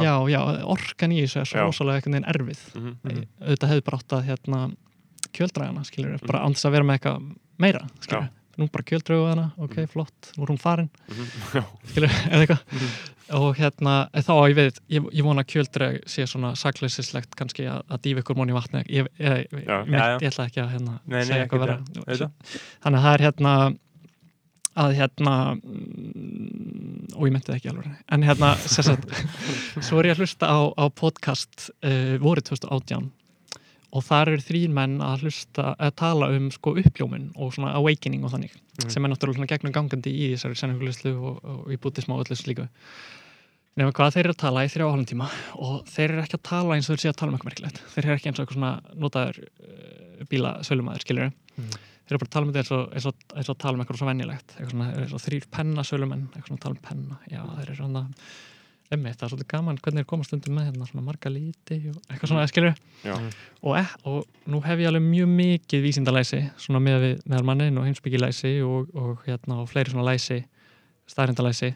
Og ekkert sem þið sagðu braut gegn uh, neinu eðlisfræðilögmáli eða efnafræðilögmáli eða, eða neinu þannig ekkert sem þið sagðu braut gegn neinu svona heimsbyggilega eða þetta ekki neitt sem stóðst ekki heimsbyggilega og hérna og þeir voru hvergi í þversögn. Sem sagt, ef maður horfði á þetta frá nú stjóla sjónháði þá sem sagt uh, sá maður bara já, og þeir eru að tala svona á consistent, þeir eru að tala á, á máta sem brýtir ekki ekkert sjálfur sér í þrjá hálfum tíma þetta Mhm. og þá hugsa maður, byrju er þetta kannski bara raunverulegt? Skilur, Já.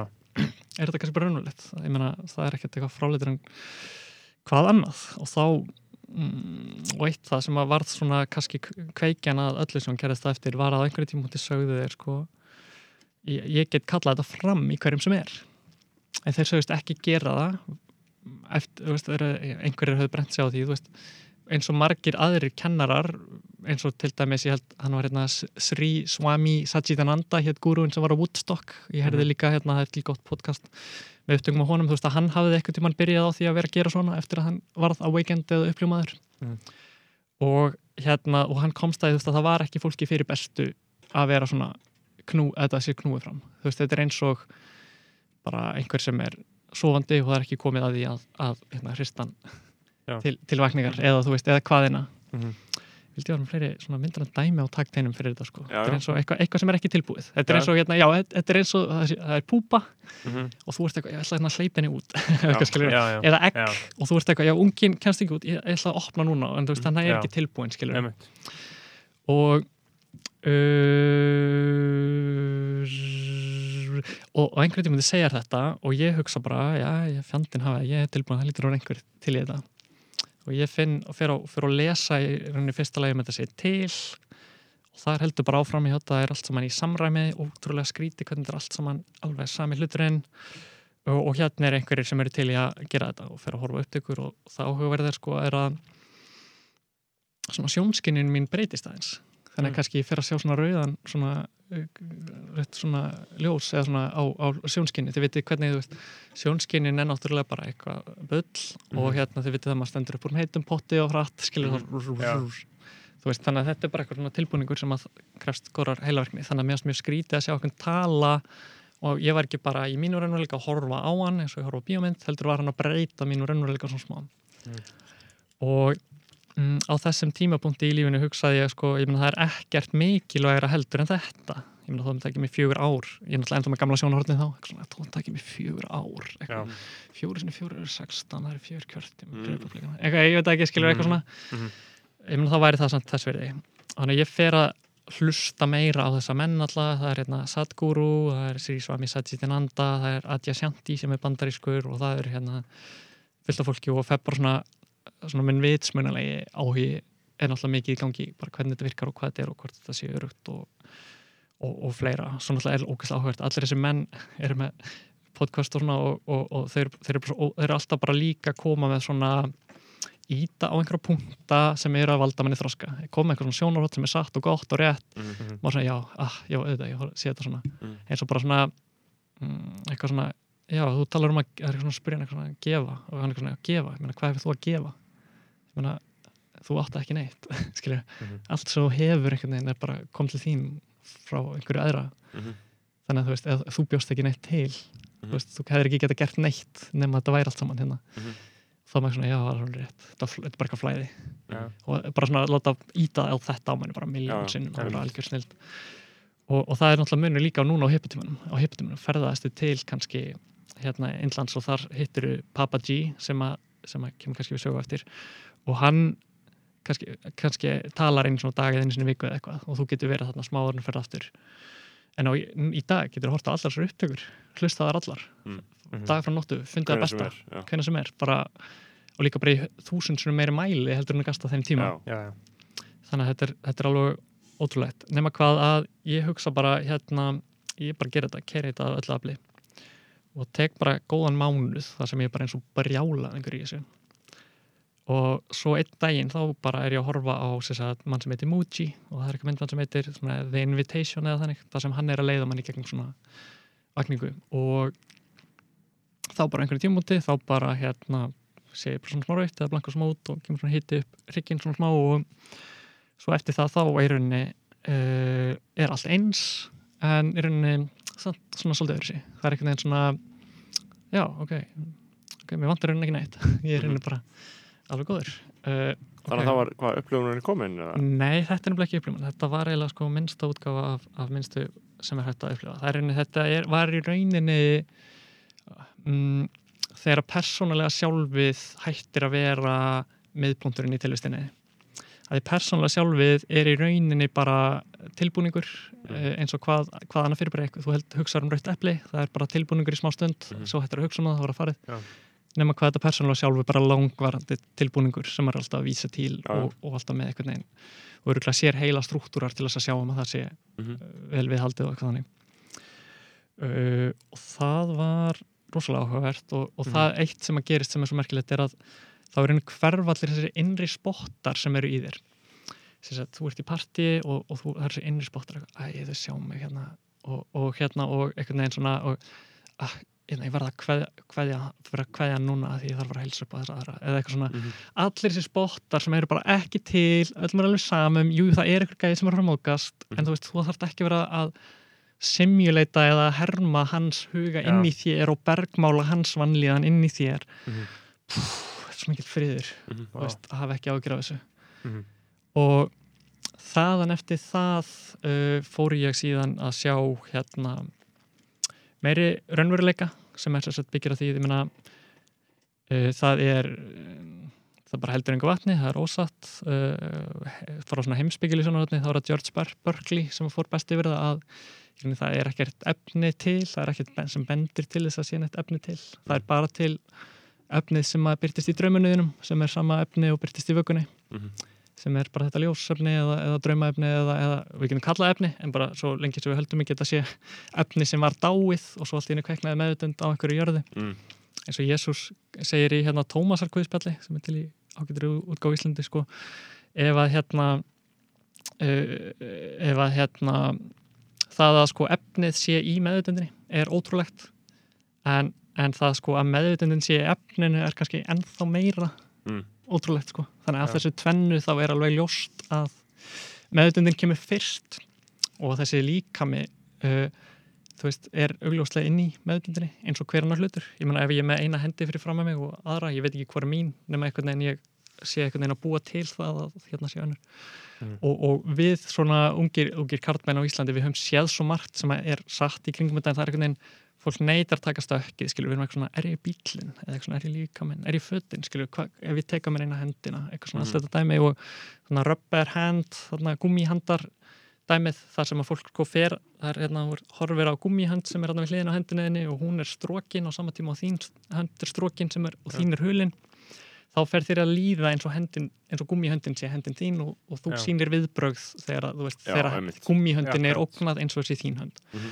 Að þetta er bara síndur, eða, þetta er ekki síndarverðilegi eins og Elon Musk eða eitthvað, en, en þetta Nei. er, er til, tilbúningur í raun og veru, þetta er, er draum, draumaveröld. Já, Einmitt. öll veröldin er er Ég, draumaveröld. ég lærði það mest af öllu uh, fyrir einu og hálfu ári uh, þá fór ég á svona við passana tíu daga uh, retreat út í bandaríkinum sem þess að tíu dagar er nú bara í þögn og þú hugleðir og síðan á fjórðadegi þá byrjaru í sagt, þannig kennslu að uh, þrýsvara dag þarf að taka klukkutíma sem þú mátt ekki hreyfa leggni lið, þú mátt ekki hreyfa putta mátt bara, þú mátt bara vera fullkomlega kyrr.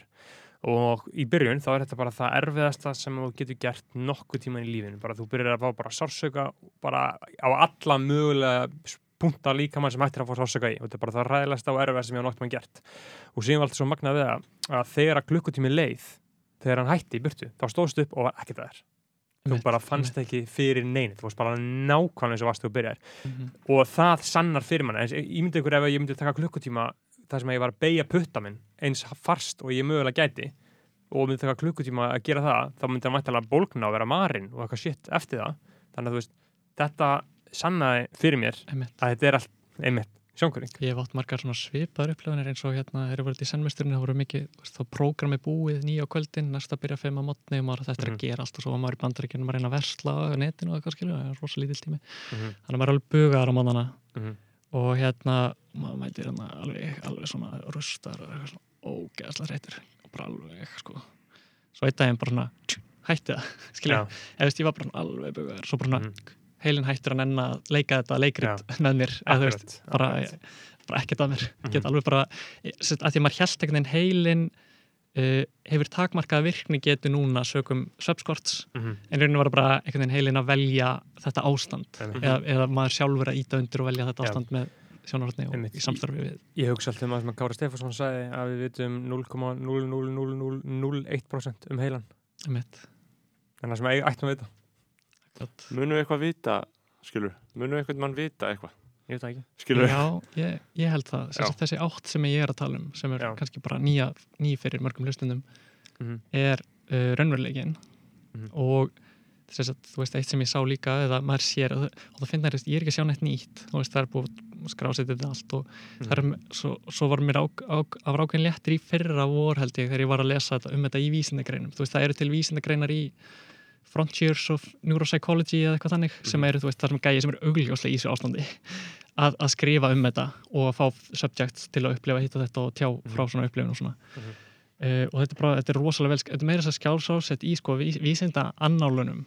Allt, allar þessar rannsóknir á þessu öllu saman. Það er bara, það er engin veitað um aðtikli að því að hefur all, engin verið tilbúin til þess að byrja að lesa það. Og, og þannig að við kjörnum aftur hvaða ástand þetta er nákvæmlega, þá er það þetta er það einnig að, bara mm, Já, ef, ef ef þú getur ha- haldið áfram að tala um hann að þú veist, þegar þú ert hann á 2018 og þá ert það YouTube einmitt, og einmitt. hva, hvað gerir svo? Þú, þá, þú, þá er ég losnar þessum spotta en, en síðan uh, fer ég tímabundið alltaf, kannski þrjá tíma í senn eða eitthvað yfir í það að sjá sem sagt, uh, ekki lengur sjá frá ímyndaða sjónarhóttinu þar sem ég er það sem þessi líka með, þessi augu, þessi heili einhvern veginn er miðbúndurinn í öllu og allt umhverfið er einhvern veginn fjarlægt og fyrir utan og það er rosa mikil fjarlæð milli mín og snorra einhvern veginn, Mhm, yfir í það að sjá frá sjónarhóttinu allra punkta. Mhm, að því að make sense að þeir eru allt skapað í heilinaðinum Mhm. nú er ég að nota það sem svona ingang fyrir fólk til að byrja að- geta sagt já, já það lítur að vera. Mhm. ef þetta er allt svona samsvarar einhverju sem er skapað í heilinaður, það lítur þetta allt að vera á sama stað, eða af sama tægi eða sama toga. Mhm. Og, svo hlýtur að vera en svo það þarf ekki að leiða neitt út í þessu ástandi þá bara svona sé ég að, og það var mjög áhugavert, ég þurfti að vera í bankan að skipta einhverjum krónum og þá, þú veist, er ég stattur í öðrum endanum á bankanum í borgutunni, en ég sé eða, ég er líka í hinum endanum á bankanum. Mhm. ég er ekki hér að horfa þangað þú veist, allt sjónsviðið allt sjón, skynsviðið er ég. Og það er það sem allar okkar minningar eiga sameigilegt Mhm. að þú varst, að það var sagt, tilvist Já. og, og, og það eru mörg skref af þessu, það sem gerist í fyrsta skrefin er að þú veist, ég er tilvistin eða til, þú veist, ég er allstaðar ég er undirliggjandi öllu þessu dóti Mhm. síðan er það næsta sem er kallað uppljómun uh, þá fyrsta er kallað hérna, cosmic consciousness í sumum græsum og síðan er það uppljómun eða þetta er kannski líka að finna þetta er allt kallað uppljómun í stundum en sagt, næsta er kallað uppljómun eða unity consciousness þegar, mm. þegar er unni, þú fattar ekki bara ég er undirleikandi tilvistin á öllu heldur unni ég er all, allir hlutir líka Já. og, og mér svo skrítið að þetta sé fjárstæðakent að það sem mér finnst fjárstæðakent væri að halda annað og, og ég veit ég veit nákvæmlega, ég veit svo mikið. Ég veit hvernig hugurinn, hugurinn horfir á þetta bara, já, auðvitað erum við allt. Og svona býr til svona kerfi í kringum að nei, nei, nei, ég vil tala bara í alvörinni Mhm. bara svona bókstaflega uh, Mhm. erum við allt, ég hef ekki upplifað það ennþá, en þetta er svo áhugavert þú veist, eins og þegar maður bara fer í þetta hitt virkni ástandið, þú veist, það sem maður bara já, ég get ekki dáið en þess að ég er ekki þess eðlis að hafa fæðist Mhm. ég veit ekki hvað gerist eftir eh, maður sér það vist síðar en, en, sagt, en ég allavega er ekki þessi líkami sem fættist en það meika það ekki alveg sens eftir að higgja sko Mhm. og, og núna veit ég að ég er að segja alveg ótrúlega hluti en einhvern veginn hva- tíminn hva- er komin fyrir þetta og ég þekki marga á Íslandi Mm. bara sem hafa hérna Ef við erum með hérna, venlegt fólk, hérna, fótgönguliða, hérna, bara fólk sem er hérna bara að hlusta á þetta eh, og einhver hugsa bara, já, hann er bara ekki að klikka skilur, Hva, Mhm. hvað, hvað er við því að segja? Er eitthvað að segja við því? hef Skilur, uh, finnst þetta ekki skiljanlega spurning hjá mér? Uh, bara þú veist um, maður myndir náttúrulega bara að svara eftir, eftir aðstæðum, en ef einhver raunverulega vill vita meira, þá bara er þetta að kynna sér það eða, Mhm. eða senda mig línu á Twitter eða eitthvað, en ef einhver er í fílu þú veist, þá svona einhvern veginn hvern, hvern, þetta getur ekki verið eitthvað sem skilur, ég meina þá Já. bara skinja ég þá orku, bara við komandi vill ekki vita þetta, hefur ekki Mhm. áhuga, þú veist, það sem hann er raunin að gera er að reyna að Mhm. draga mig niður sem er ekki hægt, ég sé þetta svo oft og svo lengi og Mhm. ég hef lifað þetta svo mikið veist, og þetta er vísindilega staðfest þetta er staðfest í annálum sem ná eitthvað 4000 ár aftur í tíman eitthvað í Indlandi Já, og örglega lengur áður en rita mál Já. hófst þannig að það er ekki að rífast um mig allir menn, einmitt. ég hef marga er vini sem eru Já. líka búin að upplifa þetta, skilur ég Já. var hérna í matarbóði bara um daginn þar sem ég var að leiða fólk inn í rauninni grunninn að þessu Mhm. og get, var að hugsa á, áður en ég kom hérna hvort ég ætti að taka ykkur í, í prógram sko Eitthvað, er það eitthvað langt? eða hlustundur nei, nei, það tekur einhver stund það er spurning hvort við tökum nokkra hérna sekundur Já. að hlýja, Já. Já, já, jú, jú, endilega, Já, tökum smá Ég er bara pásu, mjög til, já. býða þess, kærlustundur, uh, kom aftur endur bókstælega eina sekundu.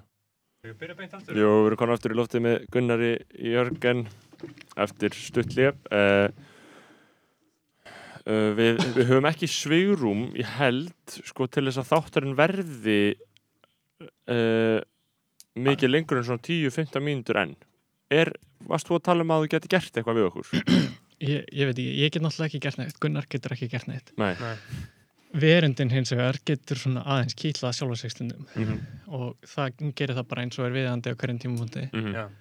Eins og í samkvæmum um daginn hún hefði alveg geta eitthvað farið eitthvað dýbra en það er kannski ekki viðandi í samkvæmi að mæta og einhvern veginn allir orðnir eitthvað svona spacey Mhm. Af því að hérna, En áfengi, drekkur þú áfengi? Ja? ég drekk ekki áfengi það er að þessa stundina vegna þess að mér langar ekki til þess ekki Mhm. út af nefnir sérstaklega afstöðu Mm -hmm. en ég hætti því nú út, út af afstöðu og, og ómikilli þingu svona á sínum tíma kannski Já. Núna er alltaf bara Þórólfur að halda manni niðri Já, já. Auðvitað. Þórólfur hefur sett strik í reikningin hjá mörgum. Þú, síðast þegar ég talaði við, þá var það sundlegin í Vesturbæleginu, þá vorum við um þar mikið að ræða COVID, sko. já, alveg rétt, já, einmitt Uh, COVID, náttúrulega alvarlegt mál. þetta er Mhm. alltaf raunverulegin Já, Þetta er. Já. En við vorum kominir að þú varst að tala um uh, uppljómuna. Já, Og- snorri er eitthvað að reyna að forðast það ómeðvitað Já, að, já. að hérna vera tekin í bakgrið. Uh, og þú varst að tala um, sko, uh, þú ert komin að á uh, lausu spottana uh, og Já, síðan ferðu í fulla uppljómun eða hvað? Nei, í rauninni mm, fer inn í þetta ástand alltaf bara tímabundið að í rauninni sjá að ég er ekki staðbundin hérna, líka mig heldur augljóslega hérna allstaðar eða þannig Mhm. Og ég veit ekki eins og hvort það er ég held að það sé ekki sko, mm, awakening að öllu leiti, ég veit það frá víst. Nema hvað að sem sagt, uh, svo er ég búin að stunda þetta mikið að horfa á, á svona fólk sem að, og mæta í svona retreat það sem er verið að, að, að yfka þetta og maður verður og upplifunir manns á heiminum breytist. Þannig að þetta er rosalega merkilegt allt saman. Mhm. en, en það þarf í rauninni ekki nema íta nokkra punkta núna. Það er kannski munur líka á hippatímanum núna er að flesti, um, fleiri er orðnir eins og vel þroskaðir bananar bara tilbúinir að falla til jarðar ef þeir gera það í knippum eða eitthvað. Og hérna uh, og það er þú veist fólk eins og Muji og, og, og fólk eins og Papaji á sínum tíma sem er bara gengur út á það er að þú þarft ekki að þess- fyrir þessu uppljómun. Mhm. fólk er bara tilbúið og það er bara hérna að taka uppskýruna Einmitt. og þeir gera það bara með því að þeir eru sjálfur í þessu ástandi og frá þessu ástandi þá sér maður svona, svona þú veist, þá ertu orðinu þá sérðu orkuna í einstaklingum þannig að þú sérðu einhvern veginn hvað er að gerast innar með þeim, bæði orkulega og hugsanlega og getur svona bent þeim á allt da, da, da, og svona Já. tætt af manni ranghugmyndirnar Mhm. þannig að eitt sem að við erum með sem ranghugmynd er bara um, um stað. Eins og þú veist við höldum ég hér, ég er að horfa með augunum út og, og, en, og, og stundum getum við loka augunum og hérna eh, fundið eitthvað fyrir líkamannum okkar og við getum fundið til hérna að begja hliða. Myndið þið vilja taka þátt í þessu í smá? Bara Já, með augun í já, smá? Gerum þetta. Loka augunum. Ok, bara getið loka augun. Ég meina Mhm. getið þið vit, vitið hvar veggirnir eru sem eru fyrir aftan ykkur? Mhm. Já. Svona fyndið og, og, og, og veggirnir fyrir framann ykkur. Mm, Já. Já, og, og getið fundið undir stólnum sem þið setjið, þú veist, rýmið þar? Eða finnið þið ekki neitt, þú veist, Ég- finnið þið svona rými þar undir? Já, ég finn rými Ég finn alveg að sé þar og upp í loft líka, finnið þið svona rýmið þar? Kannski síst. Já, En þú veist, jú. Ok, Já. og bara hvað er maður að taka það bara í gólf og finna svona allt gólfið? Mm. ah, whatever, þetta þarf ekki að vera fullkomið. Hugurinn þarf ekki að koma inn og dæma Mhm. allavega eitthvað svona, en svo getið þið fundið hvað svona hinn meinu göttuna hana mm já, úti. Úti og rýmið hana fyrir aftan, Mhm. aftan mig líka. Já. og svo er sko spurningin þú veist, uh, hvað hva er miðjan í öllu þessi rými sem við erum búin að skapa núna? Mhm. Þa, það er einhvern veginn svona virkar eins og þessi svona miðja hérna en, en bara beint við hliðin á okkur. Ég meina er það eitthvað minna miðjan í svæ, þessu svæði eða í þessum heimi sem við erum búin að þennja út þannig núna Mér líður- eins og ég sé einhvern veginn í miðjunni. Já, En, en sko- en mið- miðjan sé aðeins fyrir aftan mig. Ég hugsa kannski um mitt, þetta borð þetta fyrir framan okkur en, en það er kannski bara miðja af því að við ákvaðum að rýmið væri svona Já, sko raunveruleikin er sá að það er engin miðja í þessu rými sem við erum búið til. Ég meina Mm. við hefðum getað tekt all esjunar í einnar uh, áttar. Mm einhvern veginn og, og svo bara hi- hitt eins og, eins og þetta herbyggi Mhm. það er auðvitað ekki líka með nokkar miðjan í þessu rými. Nei, svo lengi sem við náum að finna og það er hægt að tegja sig óvendilega langt í allar þessar áttir en það, það er satt ekki kjarnin í þessu þetta rýmir ekki kjarnin í þessu. Nú erum við bara svona rétt að svona finna fyrir þessu og kannski opnum augun núna. Mm. og þá finnum við kannski rýmið ennþá fyrir aftan okkur, mér finnst það vera svona svolítið líkil sko. Mhm. og upp og eitthvað svona. Og svo er alveg mismunandi hérna hversu móttækil maður er og, og ef að við erum móttækilegir þá eru samt með intellekt sem er að meta allt sem er að gerast. Mhm. Og það er svo áhugavert, intellekt er að taka á móti upplýsingum bera saman við eitthvað svona gagnabankan eitthvað já ég skil, ég skil, eða ég skil ekki er þetta svona, na na na na na. Það er svona, það er rosalega gaglegt þetta intellekt. En það áhugaverða við það er að sko intellektið og hugurinn, það má kannski aðskilja þetta tvent aðeins, intellektið er þessi en hugurinn er kannski það sem að byrtist eða er svona einhvern veginn hugsun sem er ekki út frá þessu svona sjónarhætti Mhm. þannig að það er eiginlega ákveðin lúpa algjörlega. eh, ég, En ég Jú, Já. já, skulum eiga eðlilegt samtal frekar. en ég skil ekki en ég skil ekki alveg sko einmitt að því að hugsa um einmitt áðan að því ég held að, ég held að þeim almenni hlustandi ég held að Mhm. fólk geti sónað út sko þegar það hlutinir verða uh, Já. og bara einfallega því menn þetta er náttúrulega þekking það, það, það er ákveðin þekking sem býr í því að geta hu- hugsað með þessum hætti eða, eða svona viðlíka hætti um veröldina og það er ekki allir sem hafa þá þekkingu. Er ekki bara fínt fyrir uh, þau að finna þetta annars þar nei, Ó, nei, að spá um hugsanir þínar. Nei, en, en að, að byrja í einhverjum uppum og svona, eða? Er það Jú, það er gott líka sko, Já. en, Mhm. en sem sagt, munurinn á að byrja í appi og eða e, e, e, e, byrja með þekkinguna það er actually, það er eitthvað meira point heldur en bara aðeins líða aðeins betur Mm. Þá getur maður ekki sleft nokkrum skrefum og Já. fara kannski bara beint í það eða svona finna það sem er áhrifaríkast fyrir Mhm. það og svona heildur hann Mhm. þroska í staðan fyrir bara eitthvað svona þetta sé bara svona stús ekki það mátu vera stús en ég veit að einhver hlustandi mun upplifa bara wow, þetta er svo mikið það sem ég vantaði bara Já. ég vissi þetta væri til eða eitthvað ég bara vissi allan tíman eða þú veist, Mhm. eða bara eitthvað vantaði að ramma á eitthvað sem hann hafið upplifað Einmitt. eða annað sko Já. Og ég veit að einhver hlustandi mun hlusta bara á, þó við höfum ekki farið djúpt inn í neina æfingu þetta á að vera bara, já, eitthvað svona Mhm. en, en höfum við tvær mínútur í að halda æfingun áfram, bara sjá hvað Já. gerist Já. Klárum hérna. ok, það er sem sagt, en þú horfir með augunum er það ekki? Já. og það er eitthvað sem að sér með augunum Mhm. hann dregur að sér hlutina þannig að þú verðist sjá frá haustnum þínum einhvern veginn Mhm. þannig að þú horfir á sjónina þarna hérðan Mhm. nú einbytti ég mig bara þér ekki og hlustinda og Mhm. svona að því við erum öll saman sjálfið Mhm. þú horfir á mig þaðan Já.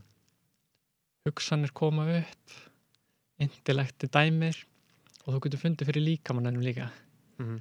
og allt þú getur fundið fyrir er ekki skinjarinn, skinjandinn það getur bara verið eitt sem skinjar Mhm. og hann getur ekki verið skinjaður líkama, líka Mhm. þannig að líkaminn er ekki sá sem skinjar af því að þú finnur líkamann Já. það er ekki líkaminn sem finnur. Þú getur ekki verið intellektið af því að þú sérð intellektið þú getur ekki verið hugsanirnar eða hugurinn af því að þú sérð hann. Þú getur ekki verið þá sem einhvern veginn heldur hann sé að stjórna sem er svona einhvern veginn ég, nú ætla ég hugsa þetta. Eða eitthvað, nú ætla ég hann er líka skinjaður Mhm.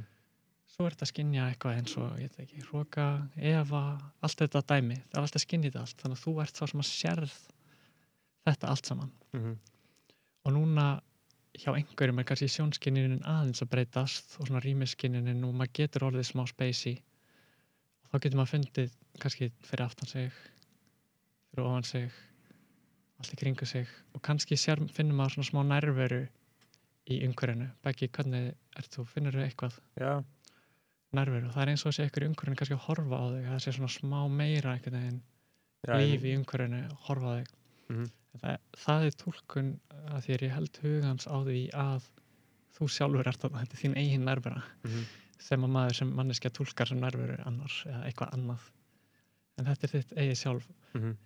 þannig að það virðist vera einhver sem horfur út um augun hver horfur út um augun og hvar er hann Mhm. er hann á milli augnana er, er þú á milli augnana að horfa út Já. Ok. og svo einhverjum tímpunkti vera meira eins og eins og þú sérst umlökin skinjun og það sé verið að horfa inn líka minn sé frekar í miðjunni inni í skinnsviðinu heldur en Mm. að þú veist að horfa út og svo á einhverjum tímpunkti snýst þetta við þessar 180 gráður Mhm. þannig að maður, maður sér enn þá frá sjónarhóttinu út en maður sér líka inn og allt um kring Mhm. og þá sér maður já, auðvitað sjálfið mitt hlýtur að vera allstaðar þessi meðvutund sem ég var alltaf að leita að Mm. er ekki eitthvað pínu lítill punktur og ósýnileg inn í mér heldur er hún öll skinjunin mín Mhm. og ef að þetta make a sense þá er það yndislegt, ef ekki Já. þá er það líka bara fínt mér líður allavega svona smá endurnærum eftir þetta Já, ég sammála. hérna, Já, ég, ég, ég, ég ást að það er gott sko, ég fekk, fekk svona eh, mikla gæ- gæsóð og ennið sko. Einmitt. Mér finnst það miklu betur, betra aðgengilegar á íslensku en, ég, en mér hefur fundist að vera endilega oft Mhm. stundum á ennsku þegar maður er eitthvað að reyna. Ég held að svona efni sé alltaf gott á móðmálunum hans, sko. já, skilja líka, Þú þarf að byrja með podcast bara. já ég byrja bara með þetta Mhm. hver er að horfa Mm. Já. þú að horfa Mhm. En þarna, og, og hvenar, eh, hver, hvað var síðan, er, er loka stig í þessu? Var síðan annað moment hjá þér, nær er- okkar tíma? eða? ég er svo ungur sko, fólk, fólk sem er komið lengra í þessu er oft svona aðeins þroskara Mhm. en, en þetta er allt saman vel skrásett og skjálsett eftir þetta Unity Consciousness þá fer maður út fyrir bæði sko, það sem er og er ekki Mhm. Það er rauninni, þú, þú fattar að þetta raunverulega sjálf er ekki í rauninni einu sinni tilvistarháð Mhm. Uh, og, og náttúrulega bara þetta fyrsta skref fattar að sjálfið þetta er ekki tímaháð Mhm. þannig að hver, þannig að þú heldur mér líka svo rosa á að finna þetta. En þú veist svo sérðu sjálfa þig. Sérðu að þú veist þú er óendanlega þólumæði því að þú ert ekki tímaháð tilvist. Þú ert Mhm. alveg handan tíma og rúms þó þú hafið tilvist. En já það er þarna Brahman og svo er kallað Parabraman og þá ferði handan þess alls og, og þangað hef ég ekki séð en það er áhugavert, þú veist að ég bara veit að þetta er til og eins að uh, sama fólk eru að segja þetta er að segja alls konar aðra hluti sem að ég hef séð með eigin tilvist Mhm. og veit að eru til þannig að þetta er Mhm. mjög áhugavert Já. eða veist alveg náttúrulega bara út fyrir öll mörg Já, bara merkjað Já, Eh, til, tilgangu lífsins já, já, ég held það Já, einmitt. Mhm. Tilgang- Já, Ég ætla að eitt sem ég langar að segja með hana áðan ég var að tala um að vera hana, eitthvað konsult eða eitthvað, en líka bara þekking. Þekking var svona síðasta hólmstráið. Já. svona, já, já, ég ætla að skilja eðlisfræði, ég ætla að Mhm. skilja heimspeki. Mhm. svo er maður bara komin í þrótt þar bara, já, þú veist, ég, ég var engu hafði ekki sem verið engu bættar að vita þetta ég gleymi Mhm. öllu jafnóðum. Þú veist, og það kemur bara engin, en þetta er svo að vinna á Pokémon Go það bara, ok, þú veist, maður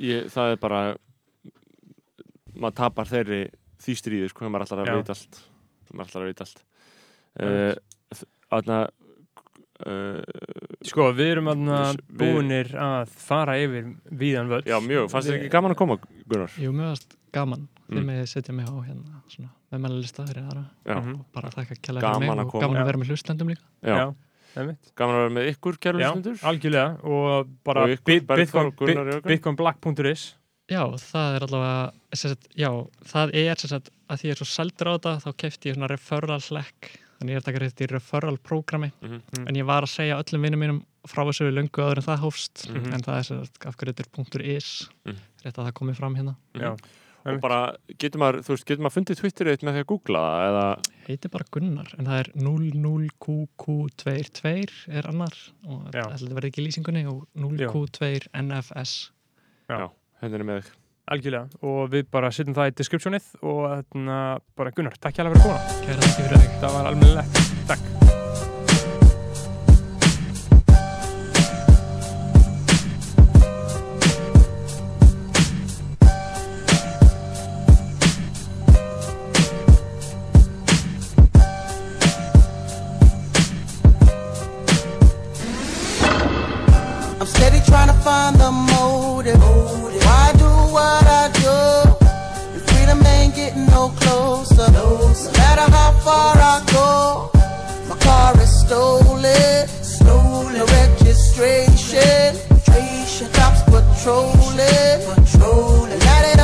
done me and I get locked up. They won't let me out.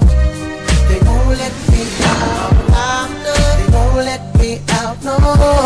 They won't let me out. Locked up. They won't let me out. They won't let me out. Locked up. They won't let me out. No. They won't let me out. Heading uptown to Rio. Back with a couple corner blocks on fire. Undercovers dressed as fiends. Making so much money. Products moving fast. Put away the stash. As I sold the last bag, fucked around and got locked up. Won't let